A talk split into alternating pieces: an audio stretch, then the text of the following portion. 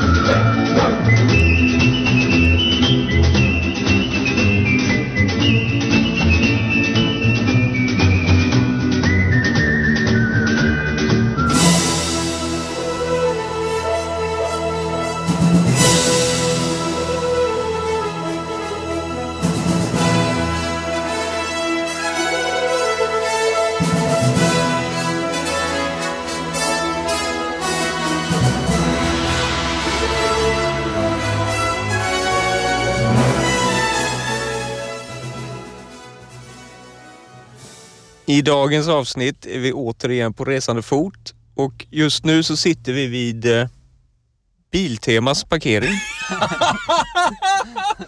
Bi Biltemas parkering. Saftig. Vad fan blev du värmlänning? Va? Det lät precis som att... Saftig, god och dryg. I... i eh, Kristianstad. Är det Kristianstad? Ja, det kanske det är. I Kristianstad. Dumt. Det var länge sedan vi var på så att säga roadtrip nu va? Egentligen för, i poddens räkning. Ja. Regelrätt så. Mm. För jag menar, vi- Senaste gången eh, vi gjorde ett bara för avsnittets skull så var det väl Riverdale? Det är Ja, nästan ett år sedan. ja, ganska exakt ett år sedan faktiskt. Strålande sol är det ju. Det är runt 10 grader. Vi ser eh, fåglar som återvänder. Eh, Yes. yes, yes, yes. Japp. Som återvänder. Ja, ja. Eh, perfekt för dagens ändamål egentligen. Mm. Men in, innan vi går in på vad- vart vi ska idag. Hur har det varit den senaste månaden? Jo men det började ju bra. För då var vi ju i eh, Jönköping Mm. med podden och eh, vårat band Ja, just det. Wild Rag Band. Wild Rag Band. Och då lät det så här.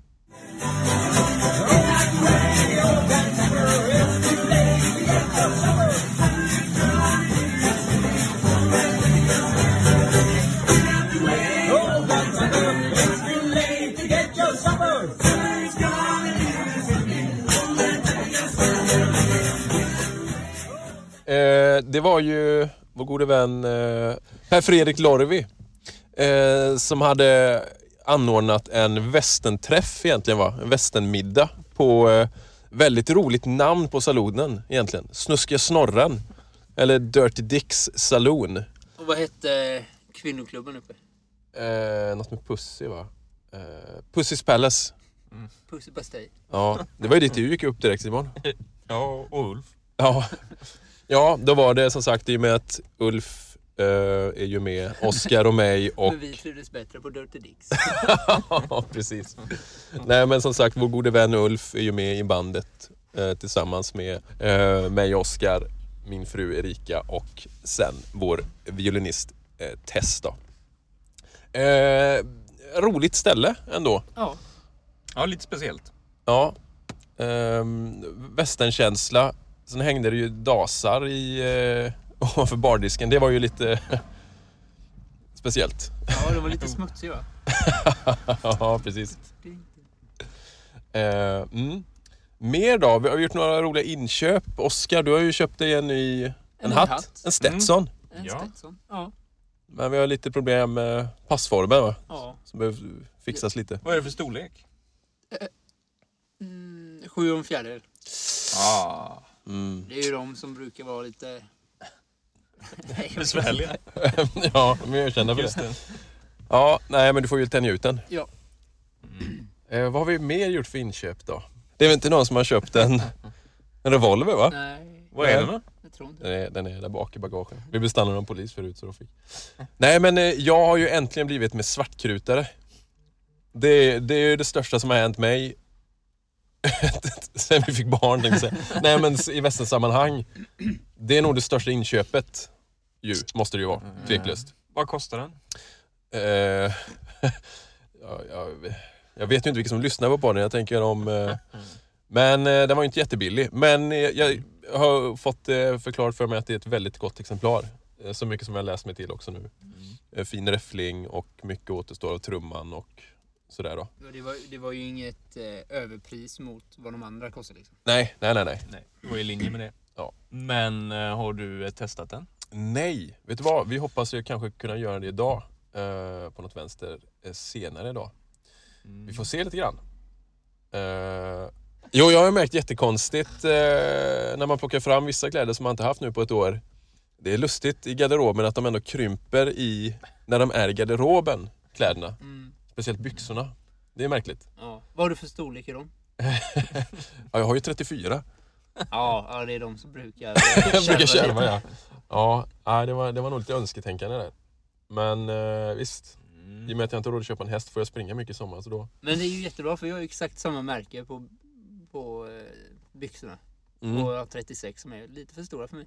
Du, du sitter och skryter om att du, du är inte fet än. Ja. Det är det? Ja. Ja, ja. Vi kan ju byta. ja. Men du är längre än mig, det är det. Jag har ju sytt upp mina. Mm. I midjan. Ja. Ja. Jag får stoppa in dem i boten. Eh, jo, vart är vi på väg nu då när vi sitter här i Kristianstad? Vi ska besöka en herre som har byggt upp eh, ett fort på sin baksida. Mm. Fort Wayne. Är det Fort Wayne. Fort, Fort, Wayne. Alla Fort. Fort Wayne. Eh, Wayne med V. Eh, frågan är, är det ett fort? Eller heter det bara det? Det heter nog bara det va? Ja, Eller inte en salon?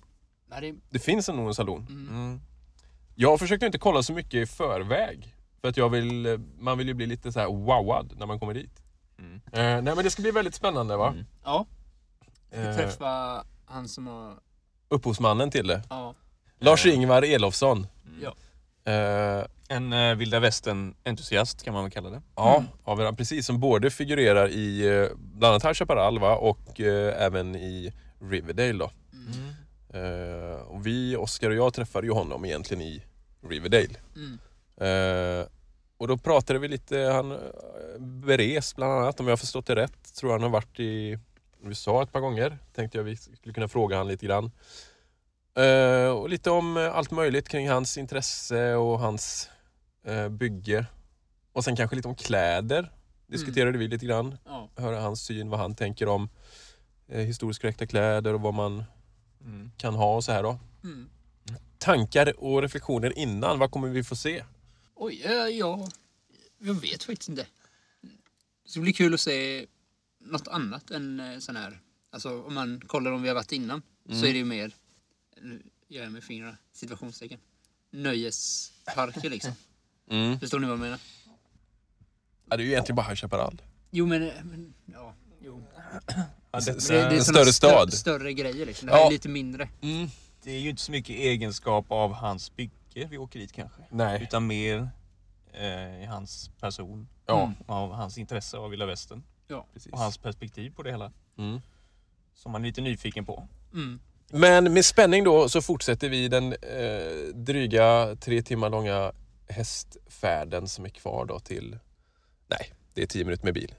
Men eh, det ska bli spännande att se vad vi möts av där. Mot Fort Wayne! Libby, if you get crossways of me and you'll think a thousand of brick have fell on you.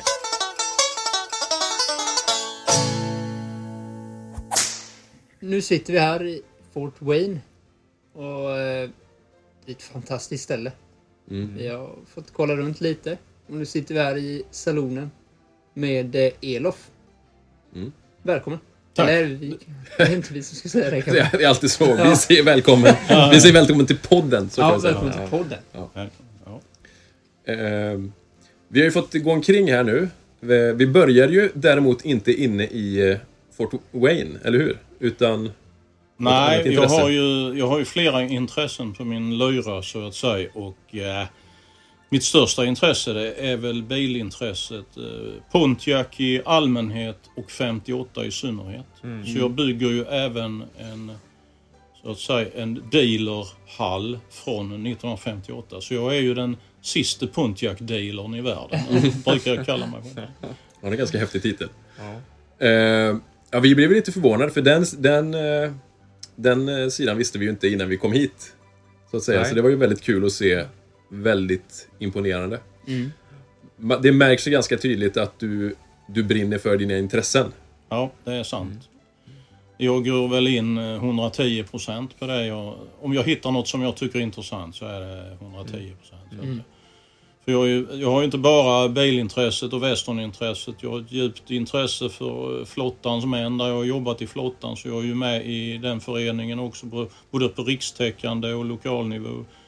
Jag, här i byn jobbar jag i villaföreningen och jag är med i kyrkoverksamheten. Och, eh, och jag är med i andra föreningar också. Så att jag är en sån där eh, som är Må- överallt. Mångsysslare. Ja, det kan man nog säga. Eh, då var du i Karlskrona då, misstänker jag? Ja, Ja, där gjorde jag lumpen. ja. ja. Kul. Jag ser väl. Robotbåt. Jaha.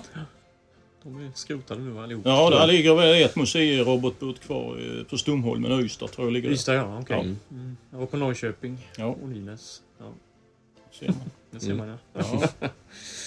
Ja, Jo. lite kul. Jo, men så där har vi gått och kikat. Eh, och sen fick vi ju då gå in, jag tänker vi kan beskriva lite vad vi möttes av. Eh, För på sidan av Elofs, eh, vid sidan av Elofs hus så står det en, eh, vad säger vi, en trä, en port. Kan man väl säga egentligen. Ja, portal. Och med en skylt där det står då Fort Wayne. Och det är väl inte en långsökt gissning att det anspelar på just John Wayne. Det stämmer bra det. Han är min stora favorit när det gäller western-äventyr.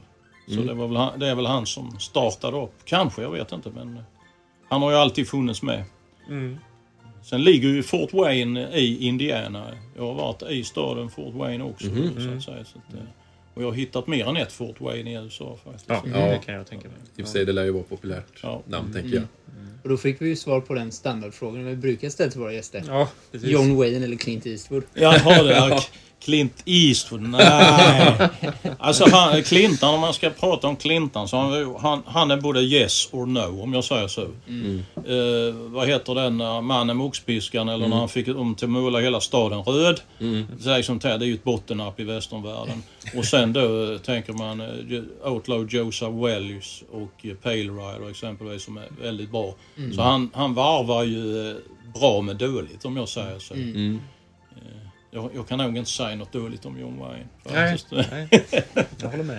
Ja, du, du gillar ju John Ja, ja, Wayne. jag gillar honom. Jag- Du börjar gilla Alltså, honom mer och mer. Jag, jag ska roligt. säga att vissa roller... Jag, jag kollar nu den, vad heter den, när han... eh, Han är lite äldre och ska ha hjälp med kofösning, boskap, så att han hjälp av ungar. Ja, just Ja, det. cowboy. Ja, Eller cowboys. ja, Cowboys. Ja, Den, där tycker jag han gör en av hans bästa nästan roller faktiskt.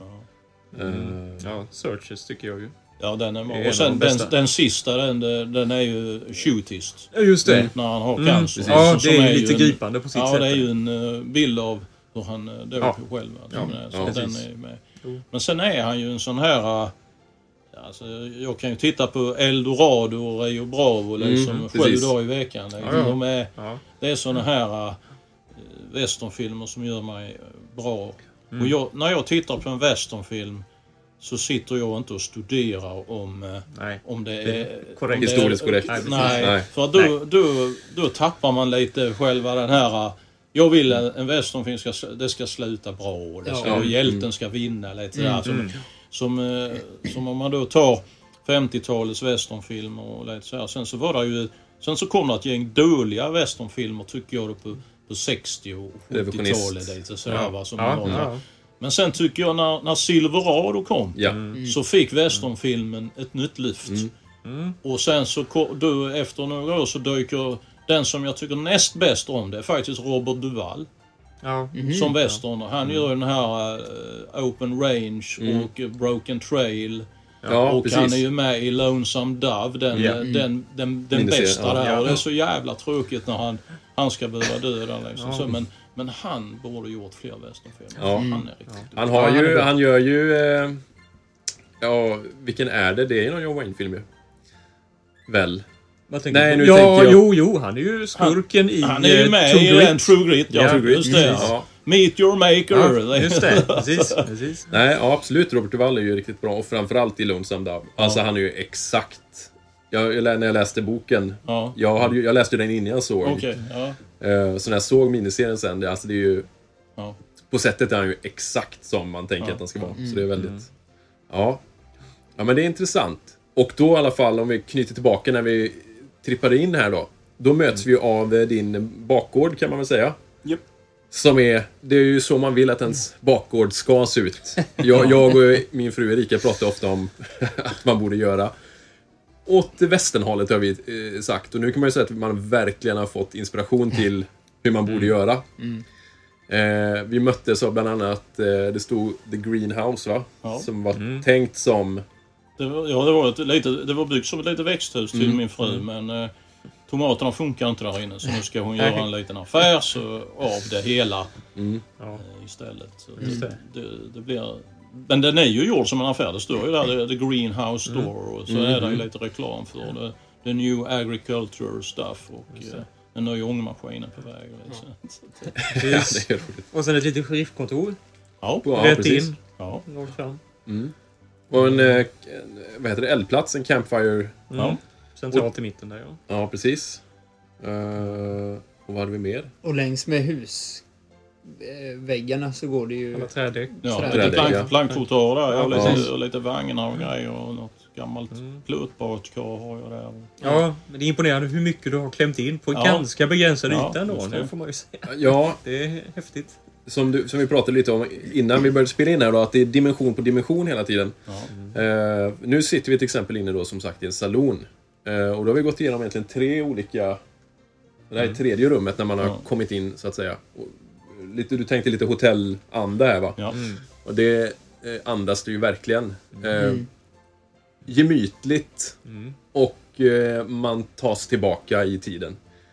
Eh, hur kommer det sig att du har valt att, eller vad man säger, få, fått igenom att bygga det här hemma? För det är ju inte alla som får. Nej, men min fru hon är också intresserad av det här. Mm. Så att säga. Så det är ju, det är ju ömsesidigt. Hon kanske inte riktigt så ut i fingerspetsarna som jag är, men, eh, men hon är, gillar västern, hon gillar bilarna, hon gillar det, det gamla.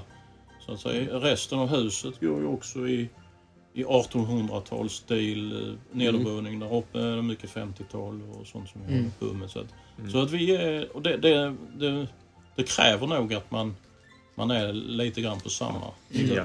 Ja, Men sen som jag brukar få lite frågor om så här och, och om tips och vad man kan göra om hemma och lite så här. Och jag brukar tipsa så att börja på, om du bor i lägenhet så eh, gör om din balkong med lite trädäck Mm, och så precis. bygg upp lite trä på sidorna och du kan köpa några gamla så här spröjsfönster och sätta upp och så får Ja. du en liten västernhörna där. Eller, eller he- hemma någonstans kanske du har en hörna som man börjar med ett litet runt bord och ett par fåtöljer och, och, och sätter upp lite grejer så att man man behöver ju liksom inte gå All hela, in, all in, Ja, all the precis. way. Så, men man kan göra en lit, liten hörna så att säga. Och Ja. sen så brukar det ju Växer, utöka, ja. växa. Men det växer på något vis. Sådär, Ja. va? Så att, eh, nej det här, det här är väl kanske lite eh, extremt. Men, eh, men samtidigt så är, det har ju växt fram under lång tid. Ja. Ja. Det är ju väldigt... Man får ju paralleller till när vi var i Riverdale. Det är ju nästan Ja. exakt som det Jonas sa. Ja. Också så. När han, om, han skulle ge tips då, kanske till Ja. dig Emil då. Mm. Så sa han ju just det att börja i det lilla. ja, Så man ser vart det landar. Ja. Så att man inte drar igång ett jätteprojekt Nej, där, det, för då det går faller inte det så nog. att säga. va. Så det, det, den lokalen vi sitter här, det är ju det som fanns här när jag köpte huset. Så fanns det här lilla, lilla här. Det var väl en utesalong med plast, eller utealtan med plasttak. Mm. Ja. Men sen skulle jag bygga ut huset på det här eh, hållet tänkte jag. då. Så jag rev ju ner alltihop ända ner till golvbjälkarna. Och sen, nej, sen ångrade jag mig så jag ritade om och byggde ut huset på det hållet. Jag byggde upp det här igen ju. då. och, och, så, och, och sen så hade jag fönster där och, och så var det inget där. Och sen har man ändrat lite grann och, och, och så här. Och det är det som är det roliga för när man sitter och fantiserar och tänker så. så ja, men jag kan göra så här istället och så gör man så och så grejer man. Och sen ha lite eh, open-minded. Och, och gärna samla in lite saker som man kan få gratis. Så här, man, alltså, det, det finns på, på loppisar och lite så här. Ja. Man, man kan fråga någon som river. Kan man få lite rivningsvirke så kan man använda det. Ja, för det är nog viktigt. Vi pratade ju om det där du, du sa just till, eh, som, eh, vad heter det? ja, men till däcket ut, eller Ja. till eh, trottoaren. Ja. Just det att det är mycket som ofta går till spill. Jag tänker när någon river en Ja, altan ja, till exempel, man bara tar det till tippen. Ja, Tänk att ta visst. tillvara på det istället. Ja. Eh, det är en väldigt stor vinning av det. Ja. Eh, ja, vi får se. Det lär nog bli... jag har börjat tänka massa nu hur vi ska... Ja, ja, jag brukar... Så det- Alltså det, det är ju faktiskt så att vissa, vissa fruar låter inte sina män komma hit. Alltså, nej, för de är rädda att de ska bli De, har, jag har, liksom. eh, de, de, de, tycker att jag har dåligt inflytande för dem då, för att han med bland mina bilar och sånt. Ja men herregud. Ja. Och, och, och här, ja men, ja, men, här, kan Ja. jättemycket. Jag tänker västen och bilintresset. Just det är ju... Det, Ja, det är nog en stor sån fälla där ja. ja. Det... Men det, det, vi har pratat om det förut eh, i podden att det är lite intressant. Västern är ju ett sånt, vi upplever det som det, att det, det är nästan det är nästan smittsamt. Västernintresset. Ja. Eh, för vi har ju börjat med, alltså ganska centrerat kring oss tre. Eh, Oss tre bröder, men sen har det smittat av sig. Kanske inte på din fru så mycket Oskar, än. Men vi har fått med den till High Chaparral. Ja. Men eh, din fru, Ja, ja. och kanske min mest, hon har varit med på flest grejer i alla fall. Ju. visst. Och sen en nära vän Ulf som vi har med i alla sammanhang. Liksom. Det växer så lavinartat. Vad tror du det är med västern som gör att, att det är så tilltalande? Och framförallt kanske i Sverige känns det som att det alltid haft ett ganska stort fäste. Vad tror du det beror på? Jag tror att alla människor eh, har nun, någonting inom sig som man vill leva ut. Och då har det ju varit så här eh, generellt sett. Om vi, om vi börjar då sen när jag hängde på High Chaparral från början då. På åt- början på 80-talet. Då var det ju väldigt få som var... Då var det rätt mycket jeansskjortor och jeans och så här. Så va. Men, sen, men jag vet att jag har kvar min kavaj som jag hade fortfarande där. Eh, som jag började. Jag, jag gifte mig i den också. Det är en stor, rätt kul story bara runt det där. Men, men jag tror det så att när, när några börjar leva ut sitt så här att ha lite uppklädda så att säga. En del ka- säger utklädda men det är man på maskerad. Men ut, uppklädda då så ser andra att "Ja, men har han så kan ju jag. Ja. Och, och lite så här va. Det, det är ungefär som det finns föreningar för rid, turnering, eh, riddarturnering, spel och lite sådana här. De går ju in för det men västernkläder, du kan ju faktiskt gå omkring. Jag brukar ju gå omkring med cowboyhatt och du kan ju ha en, en, en sån här lite mocka pälsfodrad Ja. på vintern och en cowboyhatt. Så, här, så att det här med västernstilen den, den smittar ganska lätt av sig in i den vanliga klädstilen. Ja, precis. Och, och då är det ganska lätt tror jag att liksom smittas med och det, alltså om man tittar på High Chaparral nu mot då så är det en jäkla skillnad på eh, dels de anställda, dels i, i showen, dels vi som är med i, i eh, Citizens eller High Chaparral-klubben som det var innan. Alltså det har ju skett en jättestor förändring. Ja. Och det, det smittar lite grann tror jag. För det går, eh, Vi har några bekanta här från eh, byn som var uppe då liksom. Så, ja men det är ju jättehäftigt. Jag ska nog med köpa mig en sån där och liksom, jag ska med skaffa en eh, lite hatt och sådär. Och, och liksom, det är lätt att, att eh, tror jag, att gå med i det här i, i det här genren, västern. Och, och sen kanske det är så att när man tittar på USA, där har ju i vissa stater i USA där går de ju fortfarande omkring nu i cowboyhattar och lite så här. Så att det, är- det är nog en, eh, det är ganska lätt att, att, ta till sig, ja. Mm. att smitta. Så, faktiskt. Och där kommer vi in på grejen med nu när du pratar det här med om eh, eh, Citizens eller som du sa gamla Västernklubben hette det va? Ja. Eh, när gick du med där? Den Västernklubben bildades ju 1986 Mm. och då gick jag med. Första året, eh, jag och några kompisar, vi var ett gäng som vi kallades för, vi kallade oss för Wild Bunch, kommer jag ihåg. Vi var några stycken som jag, jag ska visa ett gammalt foto där så småningom. Men eh, vi gick med där och sen har jag varit med sen dess. Så jag vet inte om jag är en av de sista som fortfarande sen den tiden är, är kvar som har varit med från början. Och den har ju förändrat sig. Vi, vi var ju upp mot en 3000 medlemmar, över 3000. Och sen gjorde man om den då. För att det var ju väldigt många som var med. Bara för att man fick gå, typ, gå gratis in och, Ja, och man eh, var inte så västernintresserad. Kanske så. Sen gjordes den ju om och High Chaparral tog kontroll över Västernklubben. Den la- lades ner då. Just det, så, Så, bildades eh, High Chaparral Citizen då, så att det var High Chaparral som hade mer kontroll. Och, Mm. och vi blev ju faktiskt, och jag, jag vet inte om man trodde det eller om det är så att man trodde kanske att det skulle vara några hundra som... eh, Men det blev snabbt eh, upp över tusen Mm. med, medborgare som vi då kallades. Så att det har ju blivit eh, riktig succé får jag väl säga. Ja, alltså vi har ju bara egentligen möts av det positiva i det kan man säga. Ja. Eh, och vi, vi känner ju inte till egentligen själva Citizens förrän två år sedan va? Kan det vara det? Ja, I samband när vi bildade podden typ. Ja, det var där någonstans. Och vi, vi, vi har ju sagt det förut i podden. Simon och jag har ju liksom kanske ett längre intresse av Ja, väster okej. som alltid har legat Ja, ja. med. För dig är det ju lite nyare. Det har ju kommit Ja. med Red Dead, Ja. alltså tv-spelet. Och sen blev- fick det en nytändning.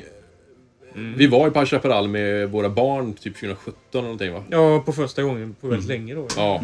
Första Och då kickade ju allt igång igen. Man bara kände, shit, just det, det är det här liksom. Ehm, så för oss har det varit väldigt intensivt nu. Vi, vi har också väldigt, väldigt förmåga att nörda ner oss i olika ämnen liksom. Och olika eh, teman kan man väl säga. Eh, men tillbaka just det här med eh, Citizens. Man märker ju i, i grupperna som skrivs, alltså medborgare och vi som älskar High Chaparral och sådär. Det verkar som att det finns två olika läger. Kan man säga. Alltså några som tycker om hur det var förut Ja. Och några som tycker att det bara blivit bättre nu. Du som har varit med sen start. Ja. Hur tycker du utvecklingskurvan har varit? Eh, Jag säger inte att det var bättre förr. Jag säger alltid att det var annorlunda. Mm. Eh, På, det, på den eh, tiden då på 80-talet där, det, det sköts ju vilt. Mm. Och och det är det som många tycker att det var bättre för. Man fick skjuta och det här och man fick eh, eh, dricka en öl och, och ta sig en Jägermeister eller vad, det var inne i parken. Men jag kommer också ihåg baksidan att min vita skjorta var alltid prickig. Eh, jag hade alltid eh, lock för öronen. För att eh, många kunde inte hantera det där med var man skulle skjuta och hur man skulle skjuta. Och jag förstår ju att kanske gäster då som var där inne kanske skrämdes ihjäl ibland när man, man sköt bak ryggen på dem. Så att den biten, eh, ja, jag, jag säger inte att det var bättre, det var annorlunda och jag säger att parken har ju blivit mycket finare park.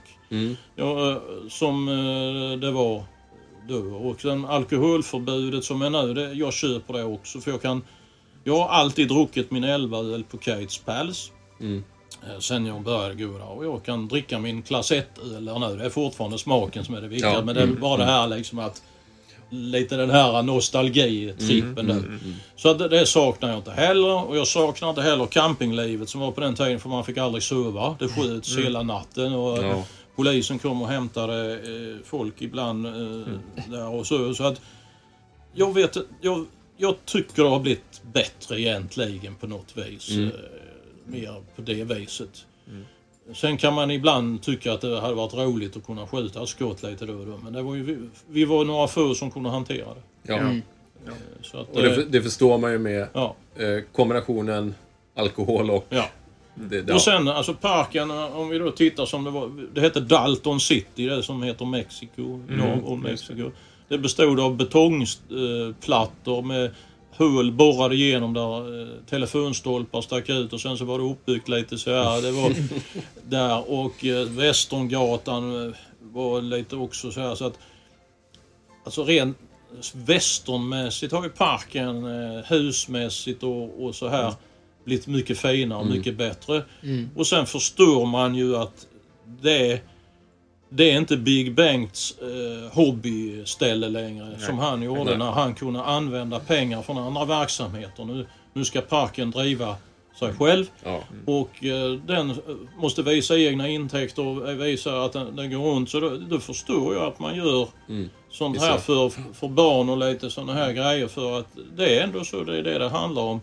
För att bygga en, eh, en westernpark för att vi citizens ska sitta där och kunna skjuta och skoja så varar den väl en vecka. Mm. Ja. Jo. ja, Det, det är ju det det, det, är Ja. det det handlar om och eh, så att Ja, jag skulle vilja säga att man, man får följa med lite grann Mm. av, av tiden eh, så att säga som det är.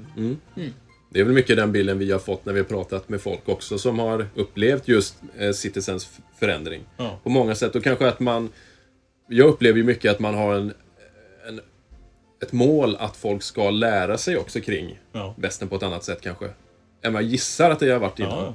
Ja. Eh, för man får ju, de flesta vi pratar med, det är ju många som är väldigt intresserade av kan ju Mm. Ja. vara vad som helst. Och just som, jag vet när vi pratade med Filip, att det är okej att vara Ja men jag är intresserad av västern på grund av filmerna. Ja. Jag vill ha liksom eh, den biten, eller jag vill ha det historiskt korrekta. Att det är öppet för liksom hela spektrat. Det, Sen är- är, det, är- det är ju det jag saknar. Jag saknar ju den biten på det har alltid gjort. Ett riktigt westernmuseum. mm, mm, precis. Alltså där nere, när man nu jag hade Big Bengts museum så Ja. att säga, som var mer kanske det var lite mopeder och bilar och, så, Ja. och det gamla museet var ännu roligare, det som brann ner. Eh, men jag har ju saknat ett riktigt westernmuseum. För jag har ju varit i några westernmuseum i USA och indianmuseum. Liksom.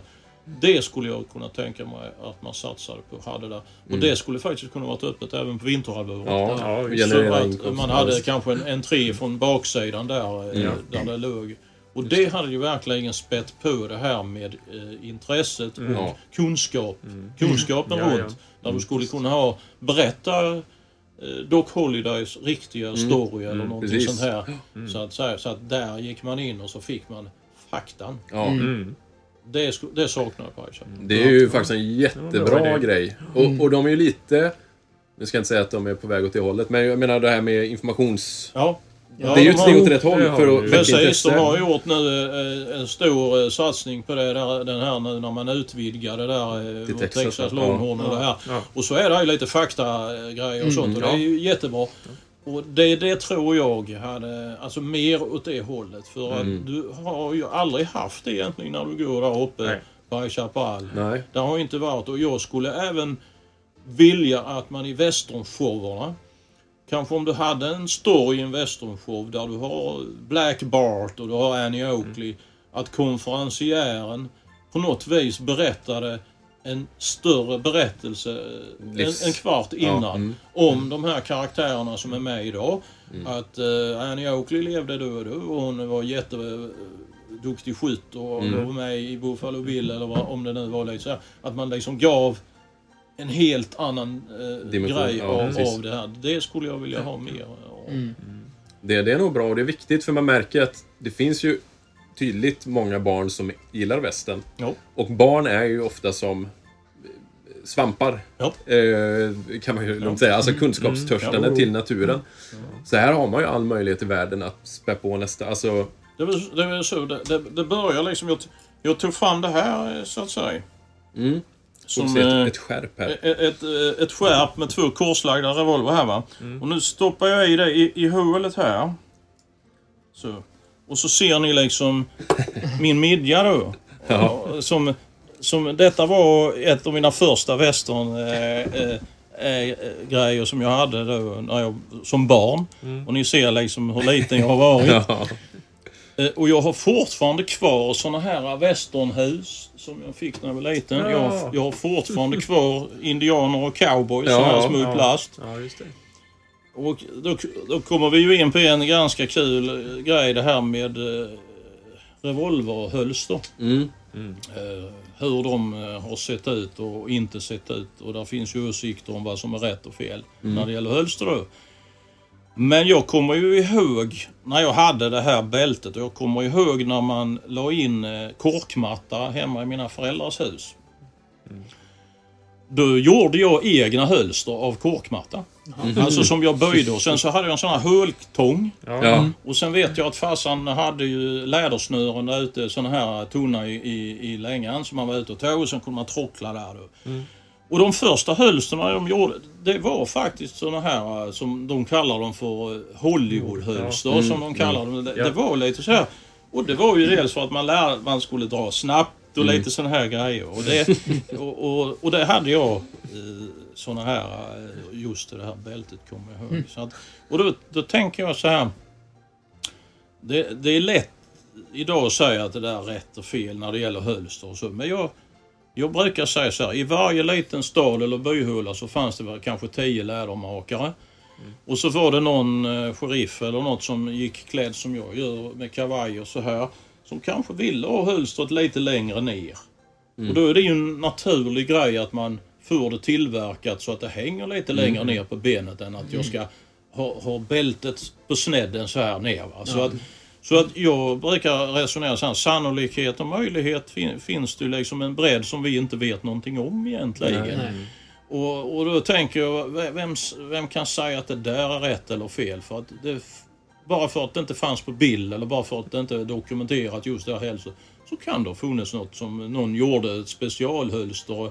Alltså jag kan ju ha haft någon defekt på min hand eller någon annan defekt eller någonting sånt här som gjorde att jag fick ett hölster tillverkat. Och så fanns det bara det i hela den här staden och när det försvann så finns det inga bilder. Nej. Liksom så här. Så att, eh, och jag brukar tänka på det när jag tillverkade mina egna hölster. Så här, det var kanske så förr också. För eh, lite mer än hundra år sedan att, att någon gjorde det. Så att, så att jag brukar säga det där att vad som är rätt och fel, vilket vi kan komma in på lite också lite då och då. Det eh, sticker sällan ut hakan och säger. Mm. Att det, det för så är det ju, om vi tänker på det jag håller på med mina bilar då. Som jag, eh, jag kan mycket om de här Pontiac 58 Jag är ju teknisk rådgivare i Pontiac-klubben i USA. Och eh, jag får många mejl och många frågor och så här. Men jag säger så här, jag, jag har hållit på med det här nu sedan eh, i många år, snart 40 år. Men jag kan fortfarande inte allt. Utan eh, jag säger 80-20-regeln gäller. Alltså om jag, om jag kan 80% så är det fortfarande 20% kvar att upptäcka. Och det var inte så länge sedan jag fick ta, hittade något faktablad från General Motors här i Sverige där det stod lite fakta och sånt som jag, som jag inte hade sett innan eller inte visste innan så att fick jag fram det. Och det, det är likadant med då har vi ännu äldre grejer, liksom västerngrejer och, och andra saker runt omkring som vi tros veta. Och det baseras ju på lite dagböcker, det baseras på foto, baseras på lite olika saker. Men det är så mycket runt omkring som, vi, som vi inte vet om. Och så därför, jag vågar aldrig sticka ut hakan och säga att så är det. Eller så var det. För att det kan man få äta upp. Mm. Man får nog vara lite ödmjuk inför det liksom. Ja, det, det är rätt viktigt det där för att eh, man, kan, man kan säga jag tror att det var så här och jag har läst någonstans att det, det var så här att eh, det är det.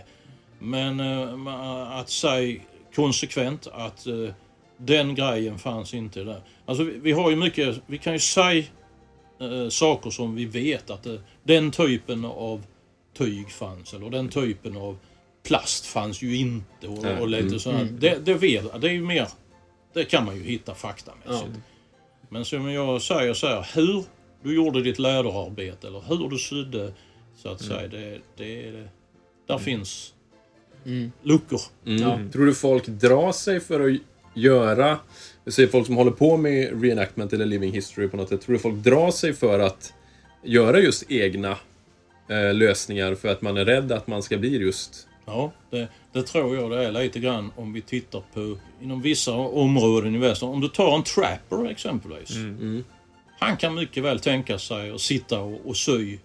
Göra sitt eget skinnarbete och, och lite så här. Men när man kommer in då på, på andra karaktärer och så här så tror jag att man är, man är lite rädd, för- rädd för. För det, det är ju med det här med, med karaktär. Vilken... eh, Det får ju också frågan vilken karaktär man ska vara.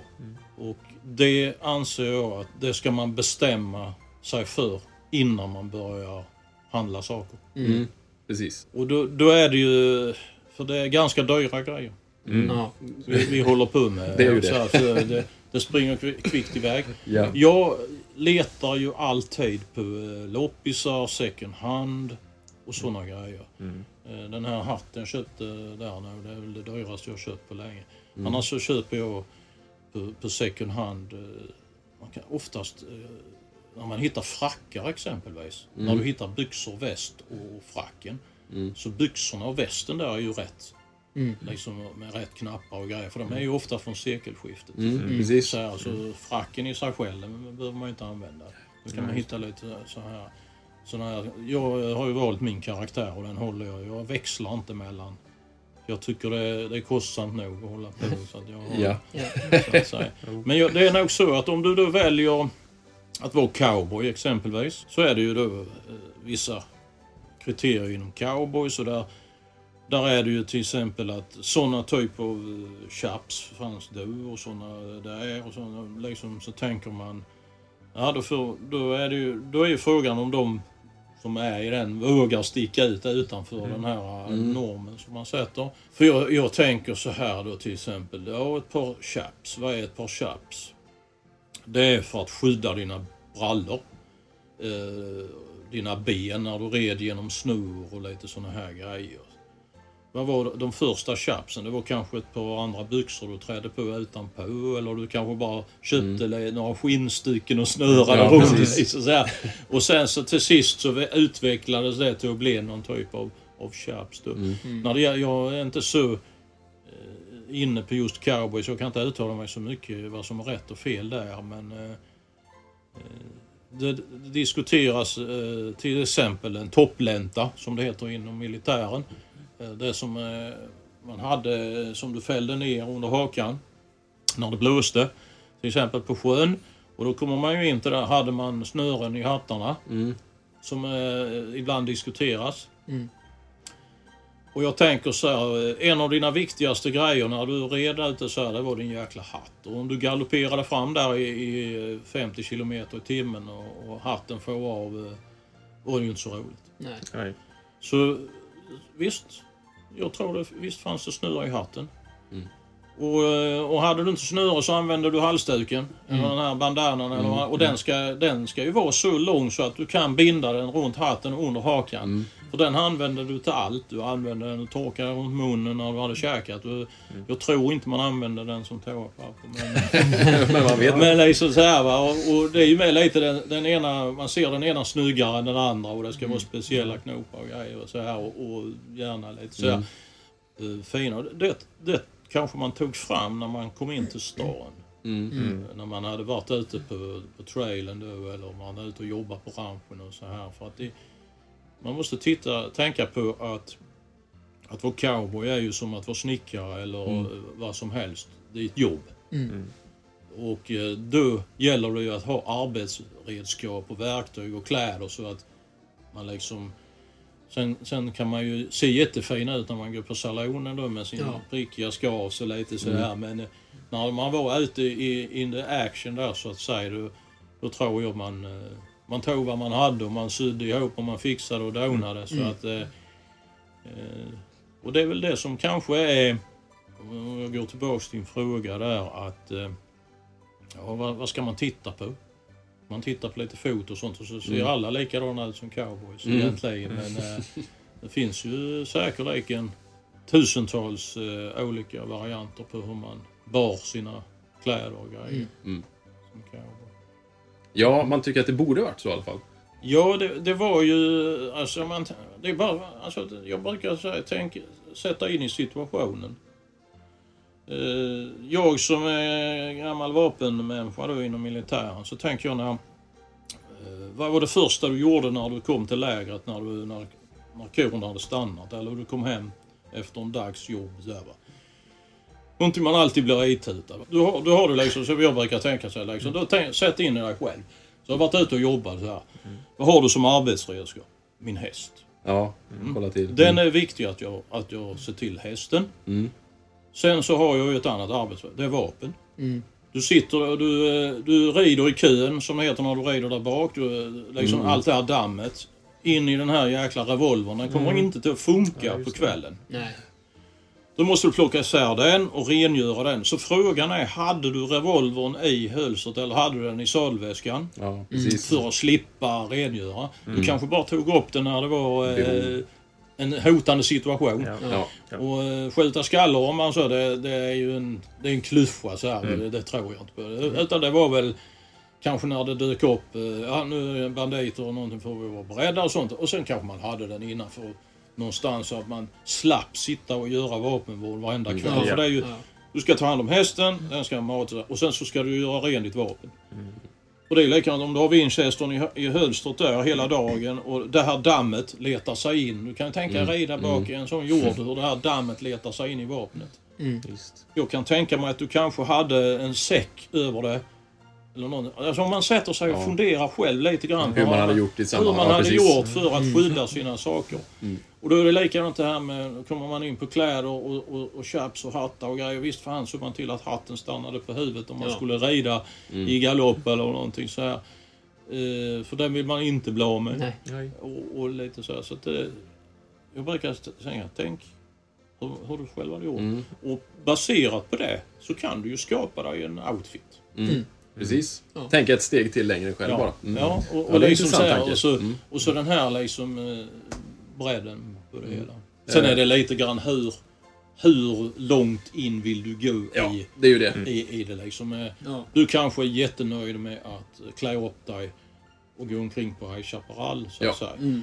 Men, men då tänker man så här. Då får man, tänka, då får man också sätta sig in i, i, i den här situationen. Om jag går omkring på High Chaparral eh, med, med till exempel som en cowboy och har det som min karaktär. Då kan jag inte ha en sheriffstjärna på mig. Nej. Eller så här med chaps och sheriffstjärna. Så här, liksom, det, det funkar inte. Eh, Sherifferna hade sällan chaps. Alltså. De, det, är ju, det är inte deras grej. Om de behövde rida utanför så de blev ganska bekväma med tiden, sherifferna. För de hade ju, du hade ju town marshal och sen hade du ju county. Mm. Så det, det var ju inte alla som, Nej. var, som red ut och jagade en bov. Så här. Nej. Men de hade ju inte chaps. Så lite så här, vad har de för typ av kläder? Och lite så här. Det är väl så i så fall man ska tänka Mm. eh, lite grann.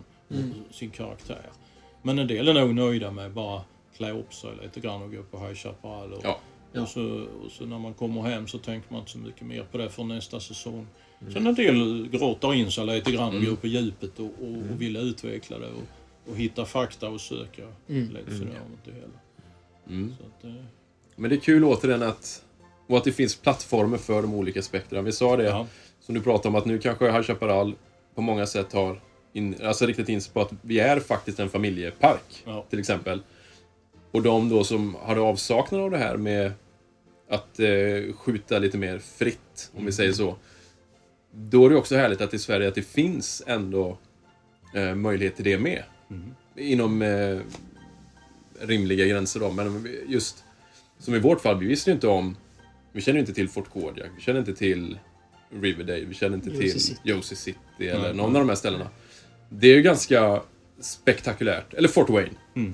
Eh, det är spektakulärt att det finns ändå så, så många olika ställen i Sverige som kan liksom eh, vattna på de här olika Mm. delarna av västernintresset. Eh, man, vi är nog ganska lyckligt lottade här, Mm. faktiskt, på det sättet. Vi har ju ganska mycket i södra delen av landet. Mm. Om vi tar, eh, nu ska vi se, Joe City ligger ju en bit upp och sen tror jag Kodiak ligger med. Ja, det är ovanför Su- Sundsvall. Ja, det är en bit upp. Härnösand, typ. Sen tror jag att jag har ju skapat den här eh, Facebookgruppen där, Fort Wayne. Mm. Och det är ju, det är ju en tanke för att inspirera till just såna här grejer. Ja, Alltså, hemma. hemmabygge och lite, Ja. eh, alltså sakerna. Jag gillar, ju, jag gillar ju mer liksom kanske då möblerna och grejerna runt Mm. omkring miljön och så här. Det var ju tänkt. Och då, då dök det ju upp några som har skrivit i den här eh, gruppen som har byggt lite grann hemma. Någon som hade byggt en hel liten miniatyrstad och lite Ja. här. Så det finns ju Ja, så absolut. en del som eh, jobbar för det och det är jättekul. Så att, eh, ja. Ja, det behövs. Och det behövs människor. Det behövs människor som du, alltså som kan inspirera till, Ja. till såna här grejer. Och det behövs människor som Jonas, som eh, Benny och de här. Alltså det är, det är väldigt viktigt för, eh, jag tänker, intressen överlag. Att man visar alltså, eldsjälar eh, och så kan föra det vidare och hur, tips på hur man kan göra. Det är det som är så tacksamt. Vi har ju bara egentligen stött på i våra västernresor. Jag gör citationstecken väldigt ofta, men det hörs ju inte. Men, men jag menar, alla i princip som vi har träffat, vi har ju blivit väldigt väl bemötta och framförallt, man lär sig så himla mycket hela, hela tiden. Vilket är väldigt, eh, det är väldigt intressant. Och vi har ju haft, tror jag också, en, en tur, en förmån genom podden att få åka till väldigt många ställen och lära oss väldigt mycket inom väldigt kort tid. Ja. Ja, men det har ju... Det, om vi tar fem år tillbaka i tiden så fanns ju ingenting. Alltså om man tänker sig när jag började intressera mig för västern och sånt. Liksom det, det fanns ju inget Facebook, det fanns ju inget nät och det fanns ju inget Nej, liksom. nej. Man fick gå på biblioteket och låna en bok eller liksom så, här, va. så att Så att idag finns det ju en explosion med eh, information och, och sidor och allting runt omkring som man kan söka på. Som du kan få information och ställa frågor och, och grejer. Och så, här. så att det har ju verkligen blivit... eh, finns mycket att hämta idag mot, mot förr. Ja, det är Och väldigt det, intressant. det är väl det som kan ha gjort också att eh, det är bra eh, för hobbyn då. Mm. Att du, du kan ju till och med några sidor som jag har eh, som jag följer där i USA liksom, med jättefina kläder och sånt. Du kan ju liksom ekipera dig med allting liksom. eh, Mm. Så att säga, du hittar din egen stil och lite så här. Mm. Om du nu vill det. Men, men vad jag tycker är lite så här. Det är ju det att alla kan köpa den kavajen. Eller alla kan köpa den Ja. snygga vinröda. Ja. Sen får man ju hoppas att man inte springer på det. Det är därför jag letar mer på, på loppisar och lite så här försöker så hitta någonting så här. Mm.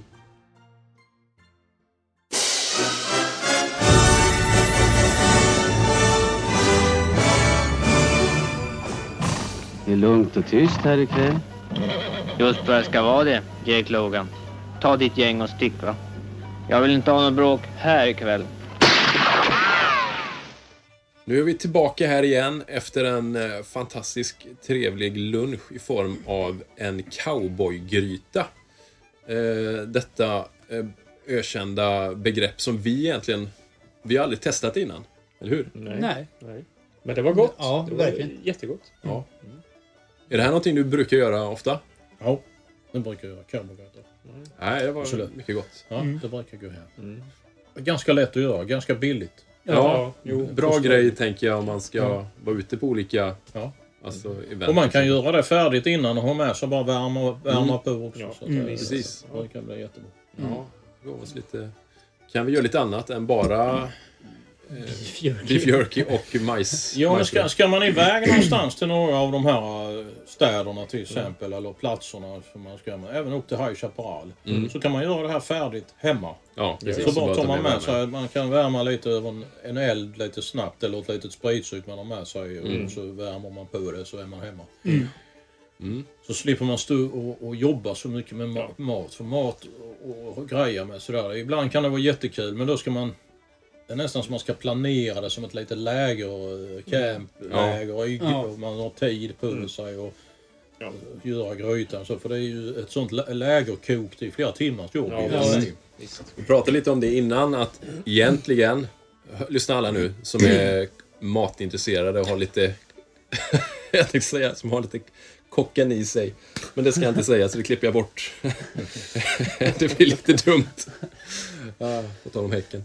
Ja, nej men eh, om man har lite det intresset. Det hade varit fantastiskt på många av de här västernställena. Ja. Egentligen om det fanns en, en fast kock ju. Exakt, det hade varit uh, jättetrevligt. Ja.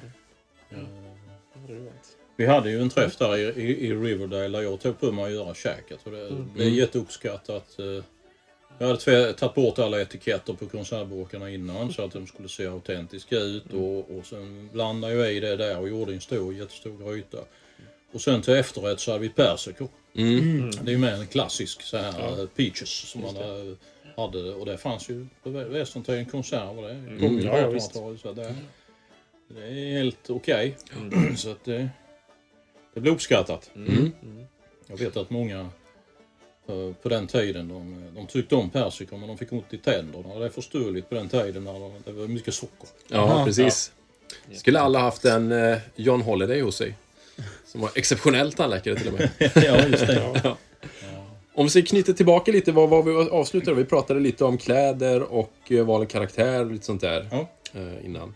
Det kan vi ju göra för det, det är ju någonting som är, alla pratar Mm. eh, om kläder men, ja, men ingen pratar om dem. Jag uttrycker mig lite så här. Mm. Jag brukade när jag gjorde Gazetten eh, för Västernklubben och sedermera för Citizens under flera år så brukade jag lägga in en blänkare i det här Gazetten att prata gärna med varandra om kläder. Mm. Eh, hjälp varandra framför allt. Eh, och den som är tveksam, gå och prata och fråga lite grann kanske innan man köper på sig en massa kläder som, eh, som man tror är rätt. Och Ja. Det kan ju vara att man har eh, jag brukar säga få en second opinion. Tro inte på vad den första kanske säger. Det är inte för att man ska misstro någon. Men det är ju så kanske att eh, får man samma svar från några stycken så då är man ju lite grann på det rätta. Och det är just det där med karaktären med. För att uh, går man in exempelvis uh, på vapen och läder, man beställer på nätet eller man köper på second hand eller någonting så köper man en massa och sen så kommer man på att men jag är ju egentligen en, en cowboy eller jag är en stadsmänniska och jag är det så har man köpt ganska mycket dyra grejer. Mm. Så det är det jag menar, att tänka ut innan, fundera lite grann. Vad är jag innerst inne? Liksom få den här innersta känslan och komma krypande ut genom kroppen. Och, och så börjar där och så börjar kanske smått. Dra inte på med, med allt på en gång utan man kan, man kan man, jag brukar säga, börja på en, gå till second hand och kolla lite loppmarknader och där brukar någon ha lämnat in ett dödsbo ibland. Jag, jag vet att jag har hittat jättebra grejer på, på loppisar som är och så visst, sen är det ju då att är det rätt knapp eller är det rätt så här? Va? Och där, där finns ju också diskussioner om det här med knappar och så. Men där, där vet man väl att ben, trä, metall liksom var ju tidstypiska knappar som man hade på den tiden. Så då kan man ju byta ut. Alltså det finns ju, man kan köpa i rätt knappar och rätt och sen kan man hitta något annat plagg som, som kanske har en annan typ av knapp eller någonting så sprätter man av och syr dit. Alltså, det är ju, så var det ju på den tiden. Ja.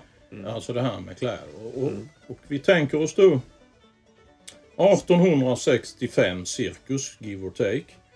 Så fanns det runt mellan 20 och 30 000 svenskar i, i USA.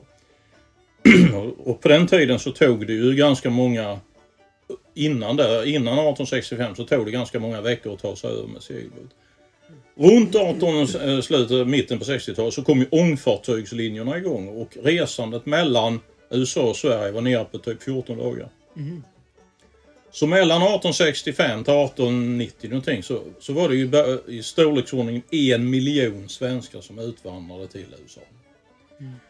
Och då tänker man att en miljon svenskar, sen var det britter där var, som redan hade varit där mycket, irländare, tyskar, a- allt folk som åkte dit, kineser. så här. Och alla åkte ju hemifrån med någon typ av kläder på sig och någon typ av kläder med sig. Jag kan tänka mig att på segelfartygens tid var det svårare att ha med sig jättemycket. När ångfartygen började komma igång, gick fortare, så kunde du ha större koffertar med dig med, med mer kläder. Så att alla de kläderna som, som kommer härifrån Sverige då på den tiden är ju tidstyp. Så att gamla foton och sånt från, från svenska fotoalbum på 1800-talet är ju också okej då om man vill hitta en karaktär. Som, man- för det var ju de kläderna man hade med sig dit. Sen så är det ju många liksom som man letar eh, mode då. Sen fanns det ju mode och de hade ju sina kataloger och lite sådana här som de gav ut upp på 1800-talet. Men då, då kan man ju säga det är det amerikanska modet men det var ju influerat av Frankrike, England och det var influerat av alla så att säga. Och så bildades, vad ska man säga, lite amerikansk stil. Men alla de här kläderna som kom med arbetare och, och, in, och immigranter och, och sånt. De fanns ju i släkten och familjen hur länge som helst. För man lappade, man lagade precis. och man fixade till. Och om man någon gång skulle hamna på foto, kanske på söndagen eller någonting, då tog man på det bästa man hade. Ja. Eller lånade du av någon annan. För du tyckte inte att det du hade själv liksom var bra nog. Sen ställde du upp på ett foto. Eller när du gick till kyrkan tog du också på dig det finaste. Sen när du var hemma och jobbade på gården och, och lite sådär. Ja, om du jobbade med uppkavlade armar eller nerkavlade armar där.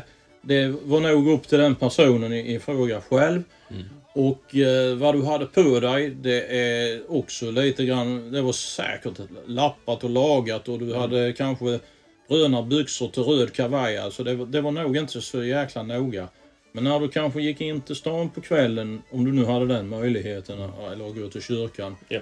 Då dammade man nog av sin söndagskostym man hade med sig hemifrån och så vidare. Och det är ett, ett roligt foto som jag hittat. Jag liksom, ibland så när man hittar några sådana här små korn så tycker jag det jag hittade ett foto en gång. Och det är väldigt sällan du ser ögonblicksbilder någonstans utifrån. Men där är en familj som står utanför ett hus. Och där ser man att grabbarna har byxor och skjortor. Och flickorna har eh, kjolar och blusar och mamman har i samma tyg. Och jag undrar om inte man... eh, Jag tror nog att det hänger samma tyg i gardinerna. Och jag skulle tippa på att det är samma tyg på bordsduken. Då, köpte, då gick ju kvinnan i, som var säkerligen duktig kanske på sy i hemmet. Eller man fick ju vara duktig på olika grejer. när man var. Gick och köpte en rulle av det här tyget och sen gick hon hem och så sydde hon till allihopa.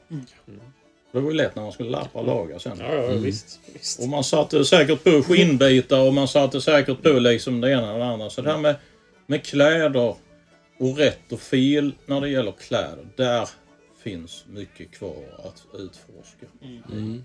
Och säga vad som är rätt och fel och hur man bar det, och det, det är svårt.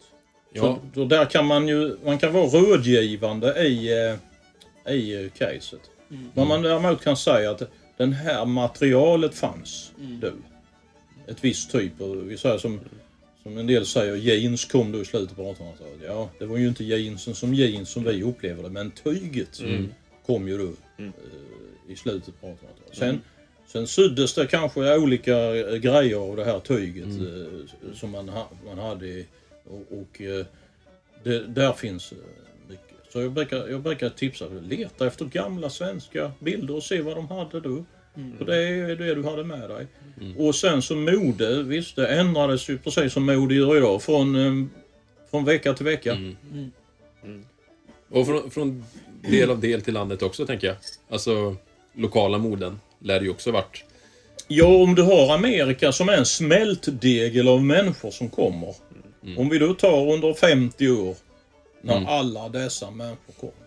Från jordens alla hörn. Med alla dessa, vad, vad de har på sig och, och såna här. Ja. Och så har de sina finare kläder och lite så här. Däremot tror jag de här, äh, vad ska man säga, de här äh, fina kjolarna och klänningarna som en del kvinnor har. Det är nog ingenting kanske den vanliga människan packar med sig i sin trunk och så här. Utan det är ju mer ett... Det är ju nog någonting man syr upp kanske på plats. Och då har det modeinfluenser från... Det kan ju vara från 1700-talet, 1600-talet. Man ser ju alltså hur mode går, går igen i, i sådana här kreationer. Så att det är... Det, och och det, jag saknar det lite grann faktiskt. Eh, det är det som är lite kul på Riverdale, där är barnen barn. Mm. Eh, på High Chaparral så är oftast eh, killarna cowboys, eh, små cowboys. Och, och flickorna är, kan se lite mer eh, alldagliga ut. De har kanske inte de här jättefina. Ja, men jag saknar lite grann det på High Chaparral. De här vardagskläderna. Ibland ser man det och det, det, det blir man jätteglad av. Som barn springer runt och, och med en pinne och ett tunnband och, Mm, och precis. så här liksom. Och så, sen förstår jag att om du ska motivera dina barn till att följa med till Chaparral. Pappa, jag vill ha en Volvo, jag vill ha eh, botsål, ja. Då bör det kanske bli så. Ja. Eh, För eh, familjefridens skull. Men, Ja, där, men Nej, du kan, eh, få, du kan få en pinne och ett hjul att slå på. Ja, och sen så ska du ha såna här...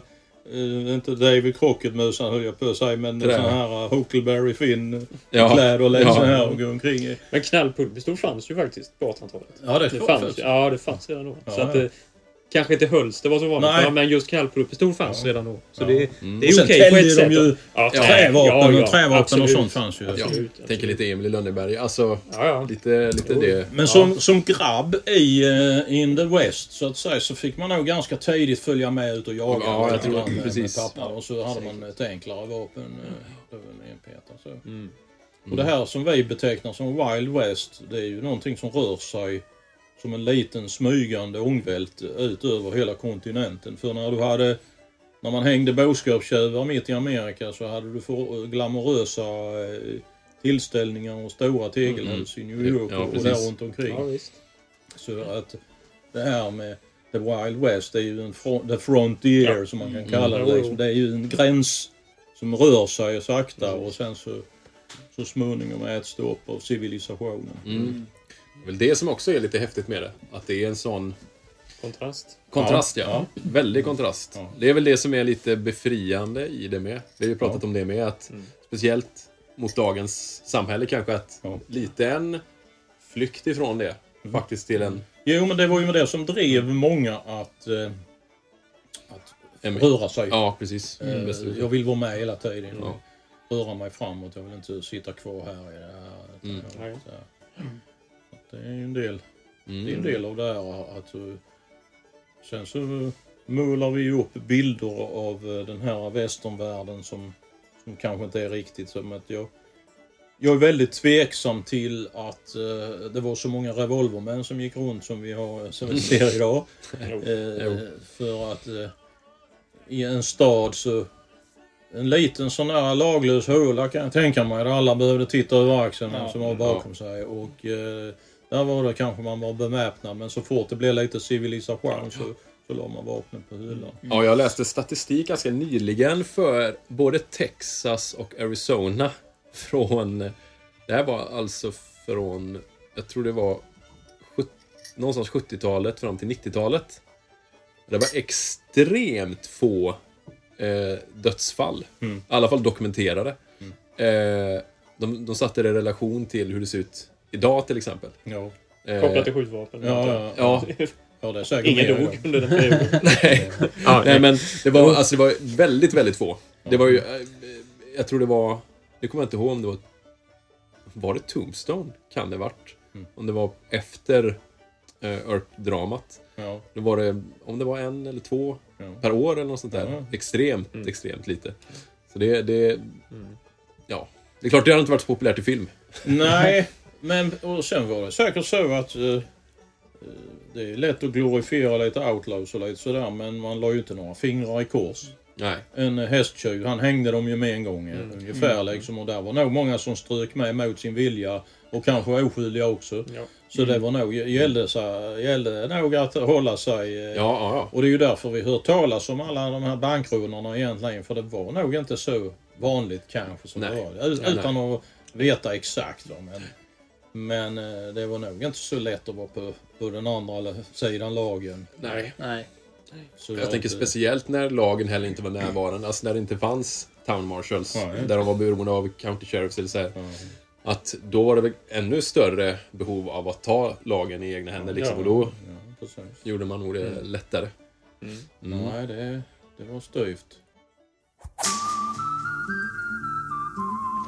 What's wrong, Ramon? Losing your touch? You afraid, Ramon? Shoot to kill, you better hit the heart. Your own words, Ramon. På tal om eh, resan över till eh, USA från Sverige. Du har åkt ett par gånger. Yes! Vad snygg övergång där. Ja, det, det har jag varit. Och jag vet faktiskt inte riktigt hur många gånger jag har varit där. Är det så? Ja, jag har inte riktigt koll på det. Minns du första gången då? Ja, det minns jag första gången. Det var ju lite speciellt. Det var inte så... Det var slutet på 80-talet. Mm. Och det var ju just för att leta bildelar. Mm. Men sen har det ju alltid varit så att eh, jag har känt mitt spirituella hem är i South Dakota. Mm. För jag tror nästan alla resor jag har varit över så har jag varit en sväng ut eh, South Dakota. Mm. För att jag har bara känt att jag måste dit. Eh, Av lite olika orsaker. Jag eh, tror ju själv på lite andar och, och lite spirituella saker och så. Alltså det, när jag träffade ett medium som berättade att jag hade levt några liv som indian och bland annat kvinna och både man indian och då speciellt ute i, i South Dakota där runt Black Hills. Så föll ju lite pusselbitar på plats varför jag har velat dit. Mm. Och, eh, så det, det har blivit några resor. Eh, Oftast är ju resorna i första hand då förknippade att jag ska besöka eh, Pontiac-träff, eh, Pontiac-möte där jag sitter med i styrelsen i den amerikanska Pontiac-klubben ju. Mm. Och sen så blir det ju en rad western Mm. grejer längs med vägen. Och eh, jag vet inte hur många gånger jag har varit i Deadwood i South Dakota och suttit där på Number 10 Saloon och, och plockat sugspön eh, och, och stoppat i mina fickor som jag, jag brukar ta fram. Titta här så har jag lite sugspön med mig. Så, så jag brukar fråga var kommer det här ifrån? Brukar, så brukar jag ta fram lite sugspön och så får de lite ledtrådar. Sist klur- en del klurar ut det faktiskt. Att det är från golvet på Number 10 Saloon. För där har de Det är väldigt häftigt ändå. Ja. Alltså det är en sån viktig bit av USAs Ja. historia. Det är ganska mäktigt. Ja. Sen är det vissa ställen som jag inte har varit på. Eh, Jag har inte varit i Tombstone. nu. Någon gång kommer det väl. Mm. Och så, men jag håller mig rätt mycket där uppe i, i nordvästra delen av USA. För där, där finns mycket westerngrejer där. Och ett fantastiskt eh, westernmuseum i Cody, Wyoming. Buffalo Bills eh, ja, museum där. Ja, Eh, Alla, när man kan stå där och dregla på alla vapnen som är där inne i de här montrarna. Liksom, så här. så att det, det finns. Och jag, jag åker gärna till samma ställe igen och nu till sommaren ska vi till Oklahoma. Pontiac-träffen är där och då ska jag besöka det här stora Western Heritage museet där i Oklahoma City. Som är, jag tror de har byggt en hel westernstad inomhus eh, bland annat. Och, sen så är det en hel del grejer. Sen har blivit man har varit på så här, typ Gettysburg och man har varit på lite andra sådana här där det har hänt historiska slag och lite sådana här grejer. Men du har inte varit vid någon sån? De har väl någon sån åter... Spelar väl upp det årligen? Nej, jag var i Chicago en gång där. eh, Då hade de ett sånt reenactment-slag där. eh, Nord och sydstat. Så jag satt där och pratade med några om det. Men jag har inte varit på någonting annat. Men en gång så när jag hade familjen över till, till, till USA så, så åkte vi till Deadwood. Mm. Och eh, så kör vi där med, med vanen då. In, ja, vi kan köra här så jag då in på några bakgator så här. Så varje dag om det är på helgen så har de ju eh, kör de en sån reenactment-grej där då. Att de spelar upp eh, någon sån här duell med Wild Bill Hickok och lite sådana Ja, grejer. ja, där. Och vi körde på den här lilla smalgatan så kom vi ut mitt i westernshowen. Liksom, jag kommer inte ihåg om vi körde mot enkelriktat eller inte, det ska inte storyn förtälja. Men, men plötsligt så kommer vi ut med vår lilla van där då. Så på, på vänster sida står alla cowboys och alla de här med sina dragna revolver. På höger sida står allt folket liksom och alla tittar på oss när vi kommer glidande med van. Det här är inte Håkon. Nej, liksom så här, vi sabbade kanske hela grejen. Men, men sen, sen vet jag liksom inte hur... Jag har tittat på... Jag har varit där någon gång och tittat på den här... Då står det lite där och gapar, sen skjuter de lite på varandra. Jag vet inte hur kul det blir på en sån här eh, tegelstensbelagd eh, gata nej. mitt i, i, i så här. Det, det skulle varit lite... Och så står turisten där och klappar lite. Ja. där, men, Vi har hört det lite om eh, i Tombstone. Tombstone med. ja, Där har de gjort... ja. I gränden där. Man sa att det eh, står en kolautomat liksom ja, i... ja, ja. Nej, alltså jag, jag tänker mig att man kanske skulle gjort det lite mer eh, roligt. Alltså man skulle... Man skulle haft en, en plats där man kunde göra det lite bättre. Ja, precis. Däremot kyrkogården där i Tombstone är ju fan, eller i Deadwood är ju fantastisk. För den ligger ju på en sluttning. Mm.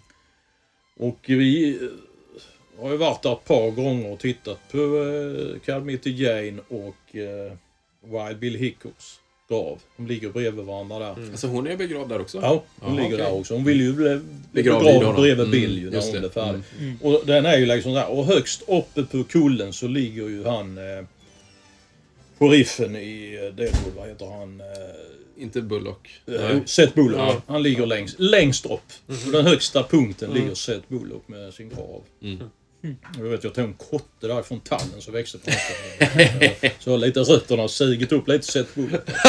Så har det i kotte där. Ja, det är Ja, lite man får hitta de här små grejerna. så att säga. Och sen eh, så ligger där några museum med i Deadwood som är väl värda besök. eh, Ja. Faktiskt. Det Ja, vi vill ju gärna En över, dag så. så... Frå, Frågan är vart man ska... För jag menar, jag, jag tänkte, ska man åka över? Man vet ju inte hur många gånger man kommer åka. eh, Då vill man ju liksom... Två veckor kanske. Ja, räcker Men det, är- det, då, då säger jag också, jag brukar få frågan så här. Liksom, jag har lagt upp rutter till flera människor. Så att säga. Och må, många stycken vill att jag ska organisera en resa. Ja, Visst, det skulle man kunna gjort, men med mitt sinnelag så vet jag inte om det hade knäckt mig. För jag vill ju att allt ska vara så jäkla Perfekt. perfekt Ja. och så här va. Och sen Ja. så att alla som är med ska få 100% i det där. Mm. Att, men jag brukar, jag brukar ge tipset Liksom, om man inte är sådär eh, Texas-nörd och lite sådär där nere. Så flyg, brukar jag säga, flyg till Minneapolis och så kör västerut. Och då har man en av de största städerna i USA, Minneapolis. Och sen kör man då eh, längre och längre västerut så blir städerna mindre och mindre. Man kommer till de här små städerna som ser ut som västernstäder fast med tegelbyggnader. Ja, det är samma Mm. typ och snö- så här liksom. Så, jättefräckt. Och sen så eh, tar man eh, 95an eh, västerut så kommer man. Så till sist så kommer man till 1880-talsstan och där, eller man passerar Missouri River. Där är ju en backe som vi brukar sitta på. eh, Oftast åker jag själv. Då sitter jag på backen och tittar på floden och tar en öl. Det har blivit lite tradition och ibland när jag har någon USA-vän med mig så brukar vi sitta där och när jag har haft någon svensk vän med mig så brukar jag sitta där och titta. Sen kommer man över där, då kommer man in liksom in i prärien. Det är liksom, då börjar ju de här grässlätterna. Sen kommer man till 1880-talsstaden. Det är ju en stad där de har flyttat dit en massa hus från olika ställen i USA och skapat. Och byggt ihop en, ja. ihop. Och det var där man spelade in Dansa med vargar bland annat runt omkring där. Jaha. Det är ett Dansa med vargar-museum på ovanvåningen där. Och så är det de här gamla fräcka byggnaderna och en gammal saloon och där det fortfarande är kulhål i väggen. Från mm. skjutet inifrån ut och plåt som sitter där. Och, så det, och sen så har du ju de här äh, västern, så börjar prärien med de här fantastiska landskapen. Med, eh, du har ju Black Hills där du har Mm. presidenterna som är uthuggna i berget. Du har Deadwood, där Crazy Horse Monument och lite så här runt omkring.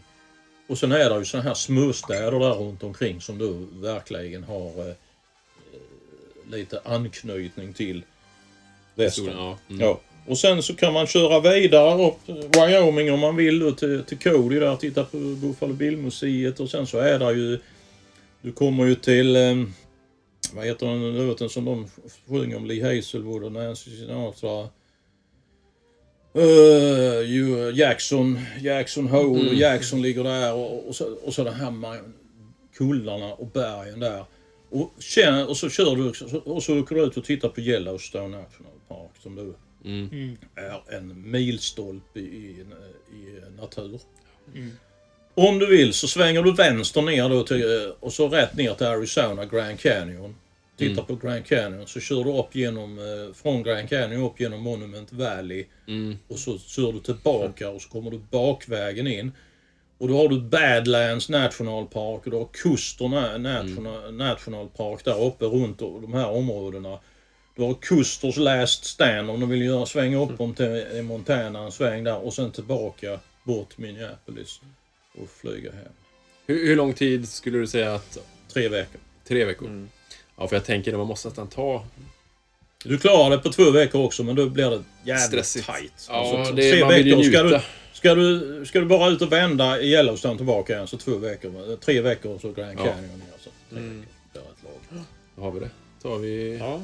Det är, ett, det är mitt tips. Ja, nej, men För då har, du fått, 30 och 40. då har du fått mycket. Du har Ja. inte bara fått... Alltså, åkat eh, Tombstone. Ja, vad det var Tombstone liksom. Så här.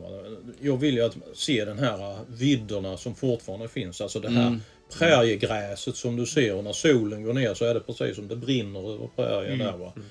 Och så de här varma kvällarna då, när man sitter där ute vid hotellet och tar en kall öl Mm. och så kör man lite sursor och sådana grejer. Så att det, det, det är grejen. Ja, det är, ju, det är ju det man vill ha egentligen. Ja. Det, det är också roligt för... Man har alltid velat åka till USA. Mm. Men av helt andra, andra anledningar innan. Egentligen. Eh, ja, vi får som sagt vi får ta det året du fyller 30 och jag 40. Mm. Och du fyller 43. Och du bjuder. Och så boka... Crowdfunding. Mitt tips också, boka från Sverige allting. Ja. Mm. Resan, Ja. hyrbilen. Ja. Gör, gör, alltså, gör inte misstaget att tro att man ska åka bort till USA och göra ett bra deal på hyrfirman. Mm. De lurar dig hur du än bär dig åt. Mm. Ja. För det är, det är så här när du... Jag bokar allting från Sverige. Jag går in och säger jag vill åka där och där. Så, så fixar de resan resebyrån. Mm. Det må kosta en slant extra men det, det stör mig inte. Och likadant hyrbilen så att när jag kommer till flygplatsen så är det färdigt. Mm. Jag går av planet, går bort till... Nu bokar jag med Big Travel exempelvis. Nu får de lite reklam. Bort- Då har de Alamo som sin... Går de bort, går jag bort där så får jag mina nycklar, går upp och tar min minivan och sen så kryssar jag iväg. tips är minivan eller en SUV. Minivanen är jättebra för där kan du fälla baksäten och grejer. Du kan, om Ja, du vill kan du precis. ligga och greja. Du får plats mycket. Och så kommer du upp. Mm. Du ska sitta högre när du kör. För då ser, Ser hela, ja precis. S- Snöla inte med den eh, höjerbilen där. För att eh, en vanlig höjerbil eh, kostar ju, är kostar ju billigare. Men inte alls samma komfort. Nej. Och jag menar det här är ju också... Här investerar man i sig själv när man gör det här tänker jag. Och då Ja. vill man ju att det ska vara Ja, en riktig upplevelse. Ja. Det gäller att börja planera. ja, Faktiskt. Ja, men jättebra. Kul med också väldigt konkreta tips Ja. på en hel rutt. Nej, det finns mycket kul där i- uppe i det området. Mm. Ja, vad bra. Spännande. Det har vi verkligen något att se fram emot. Ja. ju. Ja. Eh, Klart rekommenderbart. Mm, Ja. det tackar vi för. Du nämnde Amerika där och när vi, du är inne på... Just det. eh, Liksom, om, när vi var ute i, i min sån här försäljningslokal Mm. så pekade jag ju på flaggan. Ja, Och precis. så, och så sa ju du, eh, eller så frågade jag, ser ni hur många stjärnor det är? Så, så såg ni ju att det var 48 stjärnor till sist. Mm. och varför var det 48 stjärnor? Jo, för 1958 så fanns ju inte Alaska och Hawaii då. Och då kom vi in och pratade med flaggor. Då, då nämnde jag liksom, då, då tänkte jag ju osökt på High Chaparral som jag har tja- tjatat på i alla dessa år att, eh, att ni, ni borde ha en flagga med, med färre stjärnor. Ja, vi ska, vi ska titta på det men det är så svårt att hitta. Och så säger jag, ja men ni har ju syateljén.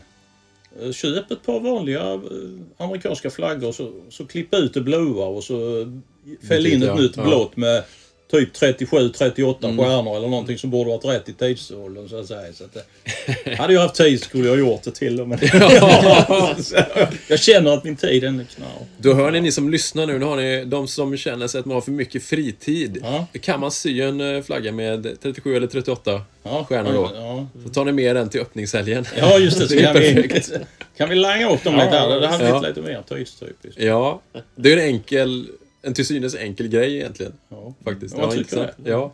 Det borde vara rätt. Alltså, alla, allt annat ska ju vara lite så att för att eh, samtidigt så brukar jag säga, gör man en sån grej så skapar det några frågor. ja, exakt. För då kommer det ju alltid lite folk och så säger men det är ju inte 50 stjärnor på den. Nej. Nej, men det var inte 50 stjärnor då och då. Så Nej. kan man ju, och, så, och, och man då frågar rätt person så kan ju den börja prata om eh, antalet stater och sånt. Och har man då byggt det här för fina museet där uppe så småningom så säger man Ja, men du, om du går in där i museet där eller den lokalen så finns det jättemycket fakta när alla stater kom till och, Mm. och den första eh, och, och, och så vidare. Så att det finns ju, där är ju ett spår. Ja, absolut.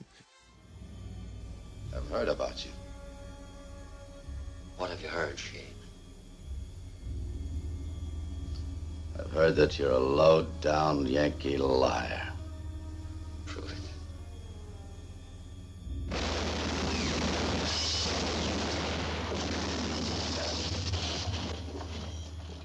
Kvinnorna näm- äh, var, har jag också, äh, tänker jag ofta på. Och äh, det är ju så här, de säger ju, om vi tittar historiskt så är det oftast män som är framme. Så det är män, män, män överallt. Det är män startar krig och män gör det och så, här, och så är det ju. Och men det finns ju talesätt som säger "Ba- bakom varje framgångsrik man står en stark kvinna. Eller eh, någonting i den stilen. Och det får jag väl säga att det är ju så.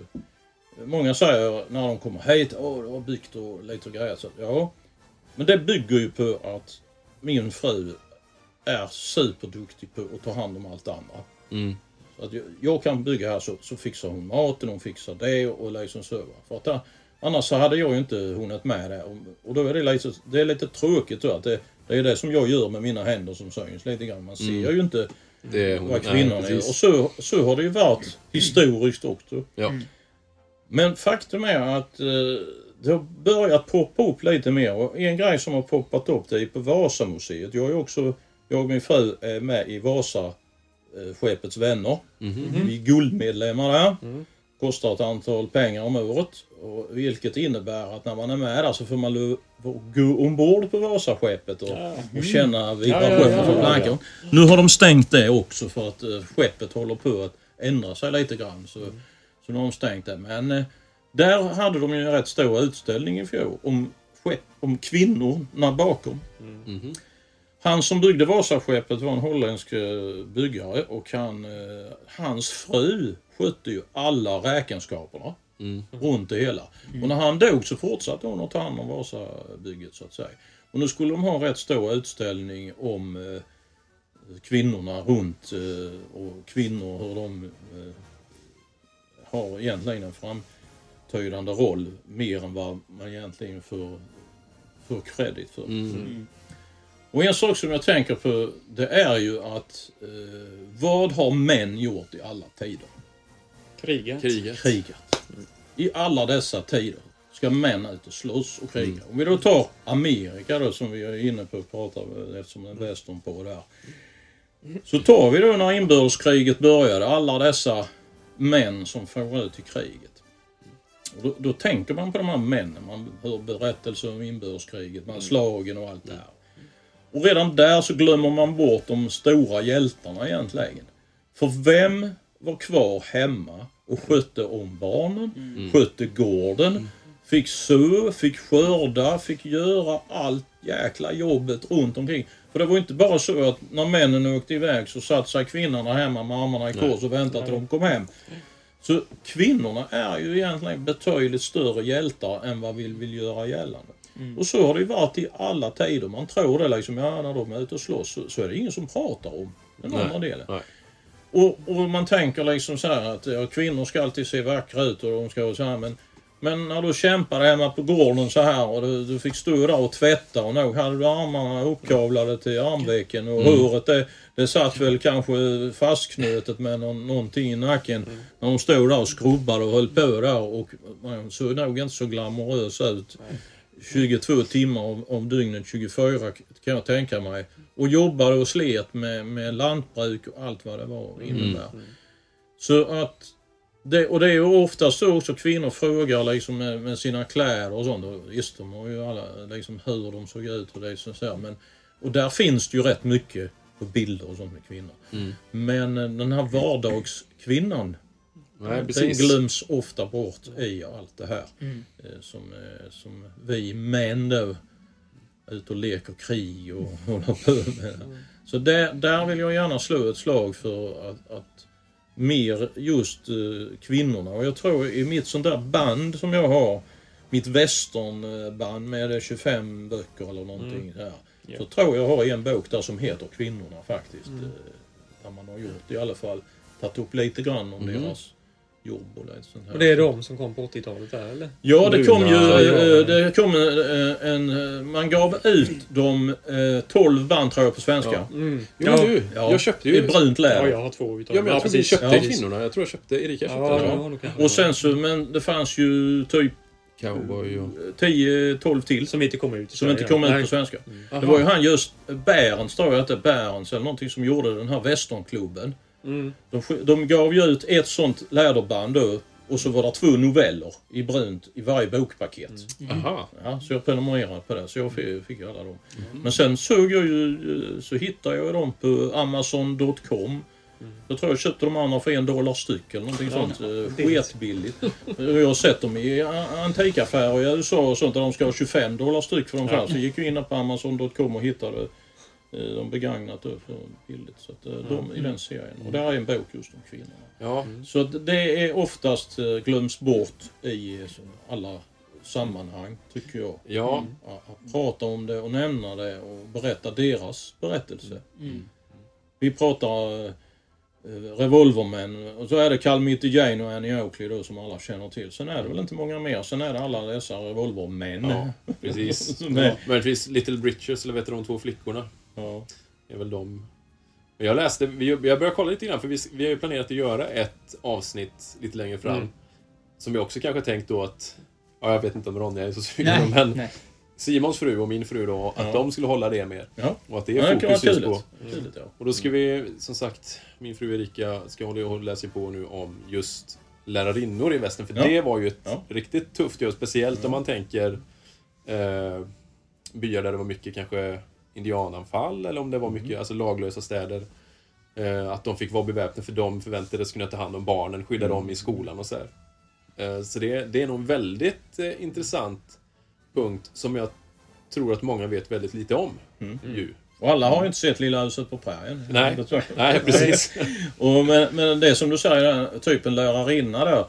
Och så tänker jag, de, de fick ju ta hand om eh, allt från 5 till, fem, till 15 till 17 år kanske. Liksom Mm. så. Och, och då ska ju de vara väldigt multi, multipla där Ja. inne och kunna Ja. sänka sig till den lägsta Mm, nivån och samtidigt kunna rikta sig till här. Sen kan jag tänka mig kanske om det var okunskap och så här så var väl många på kanske samma nivå eh, intellektuellt och utbildningsmässigt så här. Ja. Men ändå, alltså det, det, det var ju väldigt, det var tufft. Jag. Mycket trolla med knäna får Ja. man känslan av. Ja. Liksom. Och det kan jag som egenskap av lärare. Ja. Eh, att ha en sån grupp eh, som är så spridd, det är ju fruktansvärt jobbigt. Sen Sen hade- tror jag ju att på den tiden så hade du en annan respekt Ja. för, Ja. för eh, vilket man inte har idag. Nej, det kan jag säga Eh, existerar inte. Så att eh, sa lärarinnan eller läraren någonting på den tiden och det kommer jag ju själv ihåg från bara den tiden när jag själv har växt upp. Så Mm. var det ju liksom, det var ju halvgudar. Mm. Eh, Då gjorde man som det sades. Och på den tiden kanske man också var glad. Man, man kanske såg det mer som en förmån att få lära sig. Ja, eller så var det ju lite grann så här att eh, jag kan tänka mig ute in the hard west att eh, nej, du ska inte gå i skolan. Nej, lära dig en massa trams. Mm. Du ska vara här hemma och Ja. hålla på med Mm, djuren. jo, så och- kan också vara. Du är hjälpa till i skogen och så Mm. här. Mm. Så att eh, det var nog en ynnest kanske att Mm. få, Mm. få den möjligheten att lära sig någonting och gå vidare. Och det är intressant just att det, om, om man tänker av de stora, alltså ikoniska legenderna och karaktärerna. Det är som du säger, det är väldigt få.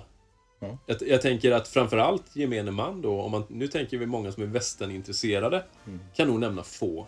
Mm. Men tänk då gemene man. Eh, kan de nämna någon? Ja, det är inte man. säkert. Nej, det är tveksamt. Calamity Jane möjligtvis. Det är väl den Fast första det är- som kommer och... Ja. Nej, alla kan nog inte det Nej, heller. jag tror inte det. Så är det nog. Så det, nej, det är intressant faktiskt. Och det, det skulle varit roligt att grävt lite där i Mm. historia. Jag, jag brukar ibland när jag läser om någon, nå, någon eh, in, när man hittar något intressant Mm. uppslag som man läser så brukar jag också försöka hitta eh, om frun eller så att Mm, säga. till- ja, eh, precis. Hur liksom, om den gjorde någonting, vad den hade för yrke och, Mm. och lite sådär. Då kan man ju tänka, kan, på den tiden så var det väl i de finare kretsar så var det väl mycket hemmafruar. Men var du, var du lantbrukare eller någonstans ute i, i, i västern eller någonting så fick ju alla verkligen hugga Mm. in eh, eh, och göra sin bit.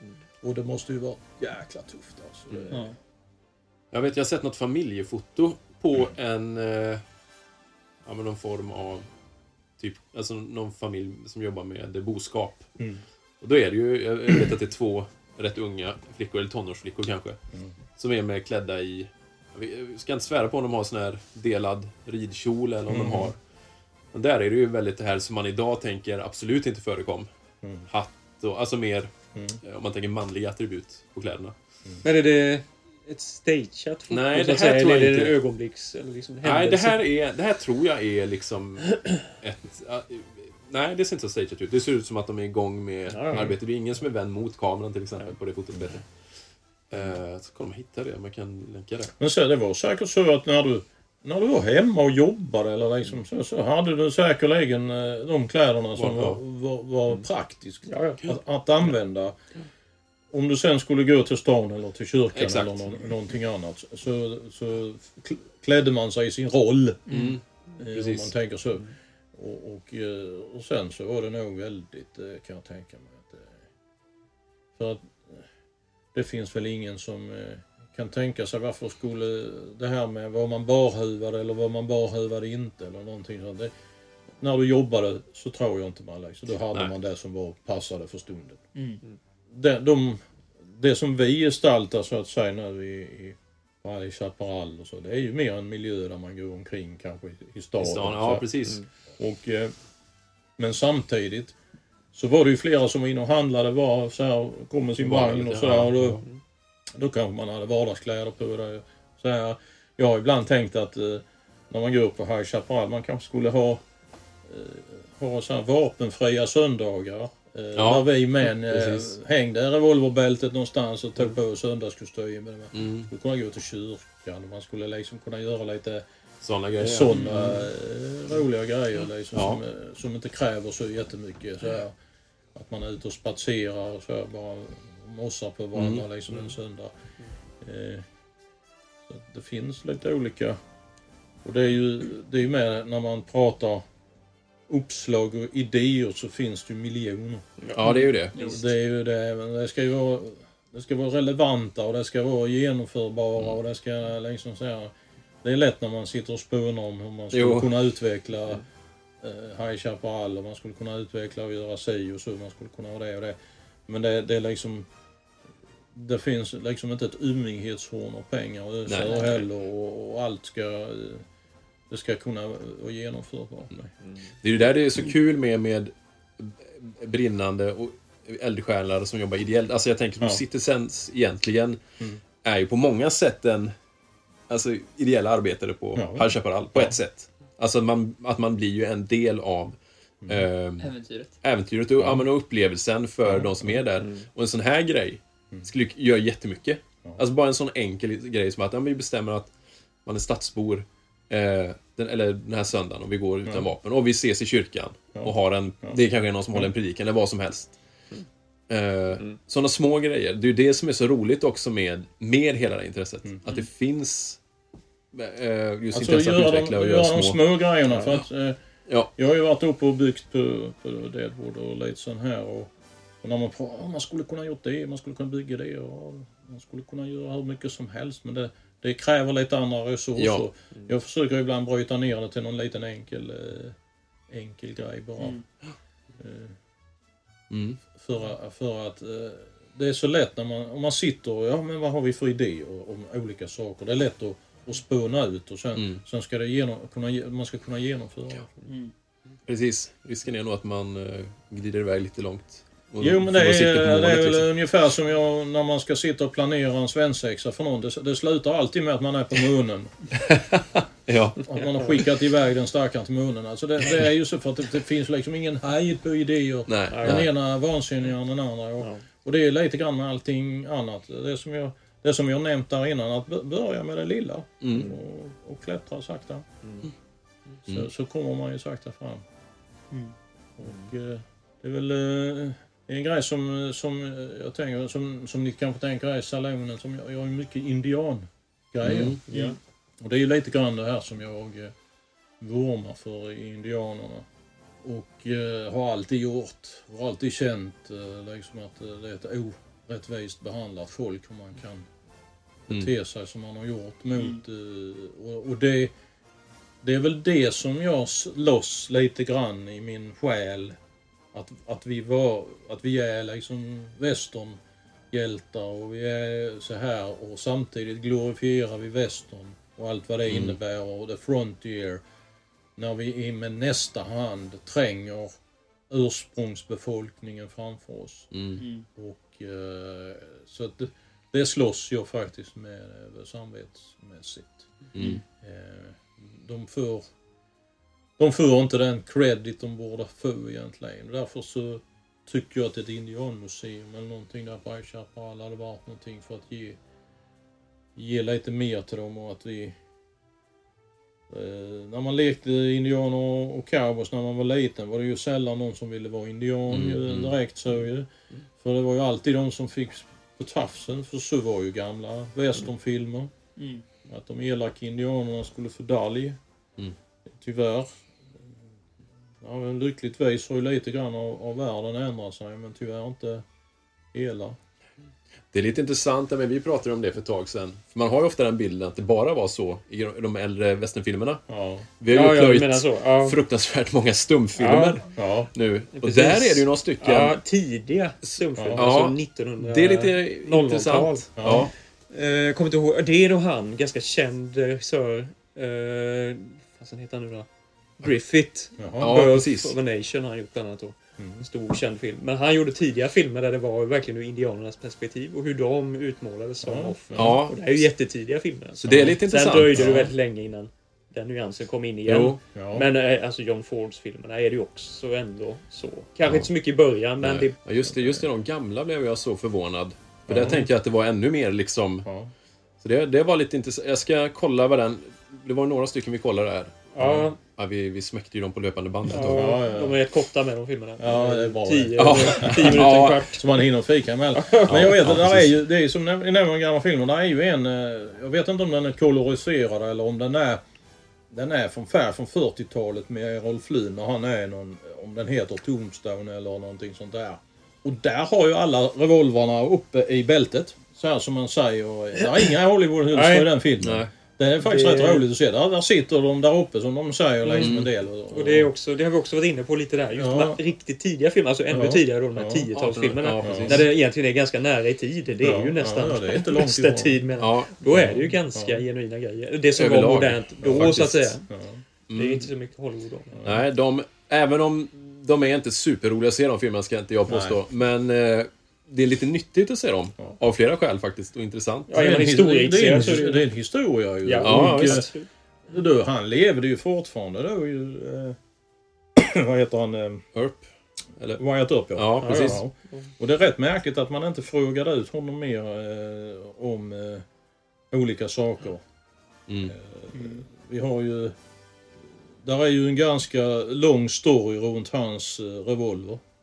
Buntline, Ja, det, precis. Som han lär ha fått ju.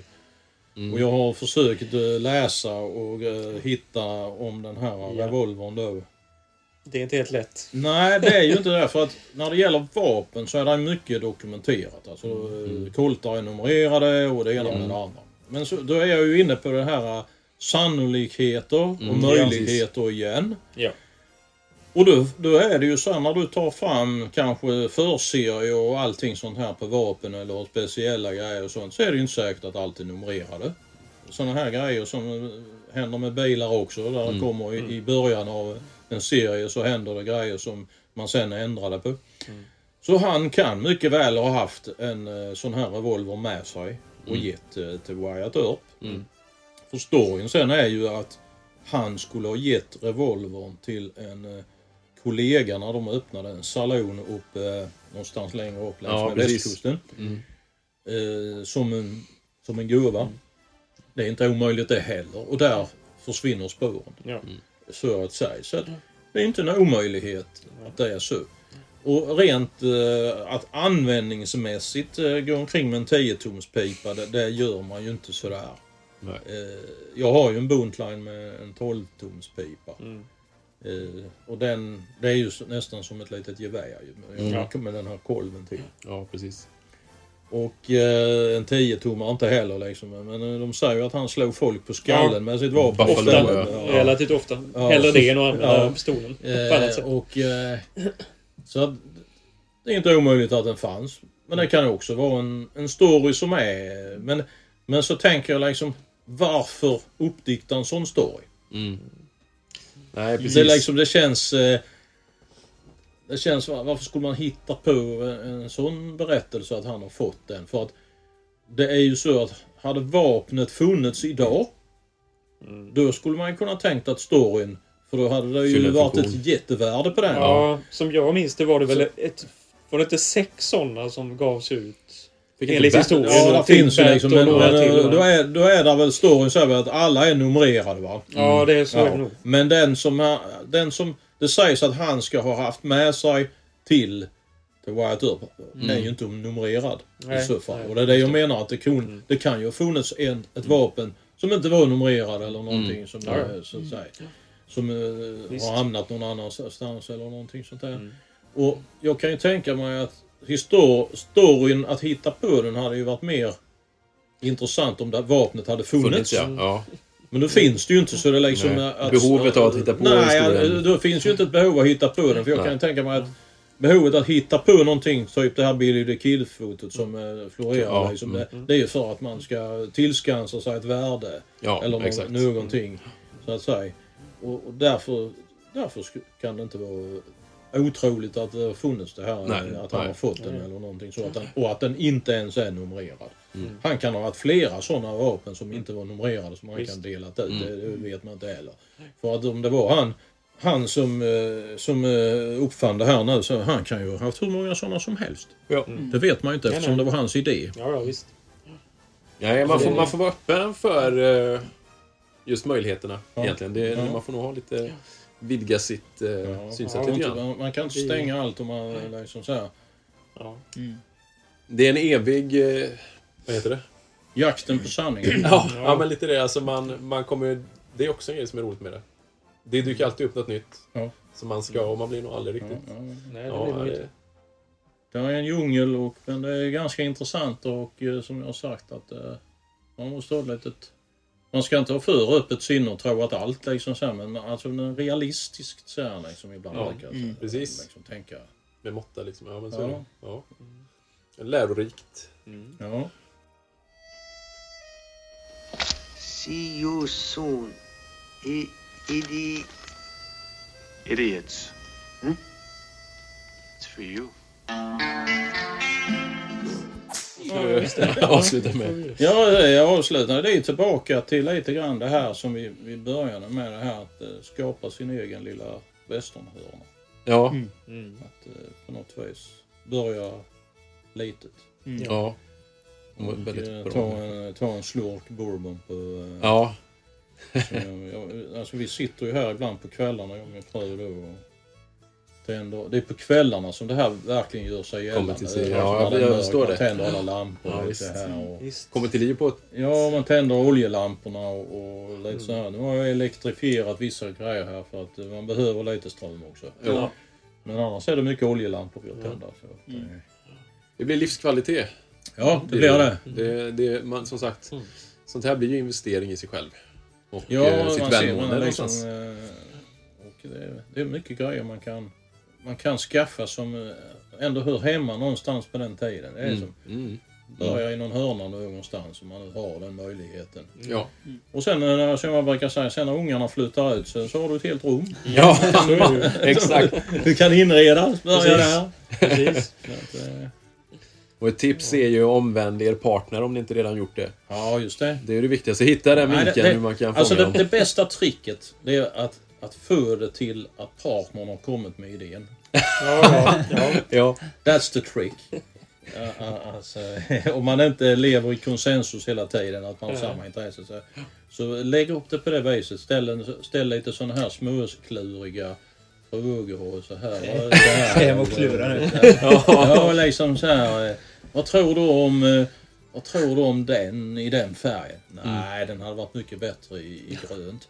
Ja, när Ja, du säger det. så, Det är så är det en bra idé. Så kör man på den. Ja. Så, eh, man får vara lite klurig. Ja, det är här. bra tips. Så att, eh, Ulf är ju sån. Han är ju alltid sån. Han får ju alltid igenom sin vilja och han Jaha. omvänd psykologi Jaha. nästan bara. Ja. Du, eh, skulle du inte vilja... Mycket sant. Ja, men det var ett bra tips. Ja, det var det. Avslutningsvis så vill vi säga alltså ett stort tack för att Ja. vi fick komma och Ja, besöka verkligen. dig här. Ja. Eh, väldigt roligt att få prata och bolla lite tankar och framförallt få uppleva eh, ditt fina fort. Mm. Eh, Väldigt eh, intressant. Och den goda maten. Ja. Tack så mycket för. Avslutningsvis så brukar vi be våra gäster avsluta med ett jiha. Jaha du. Jiha!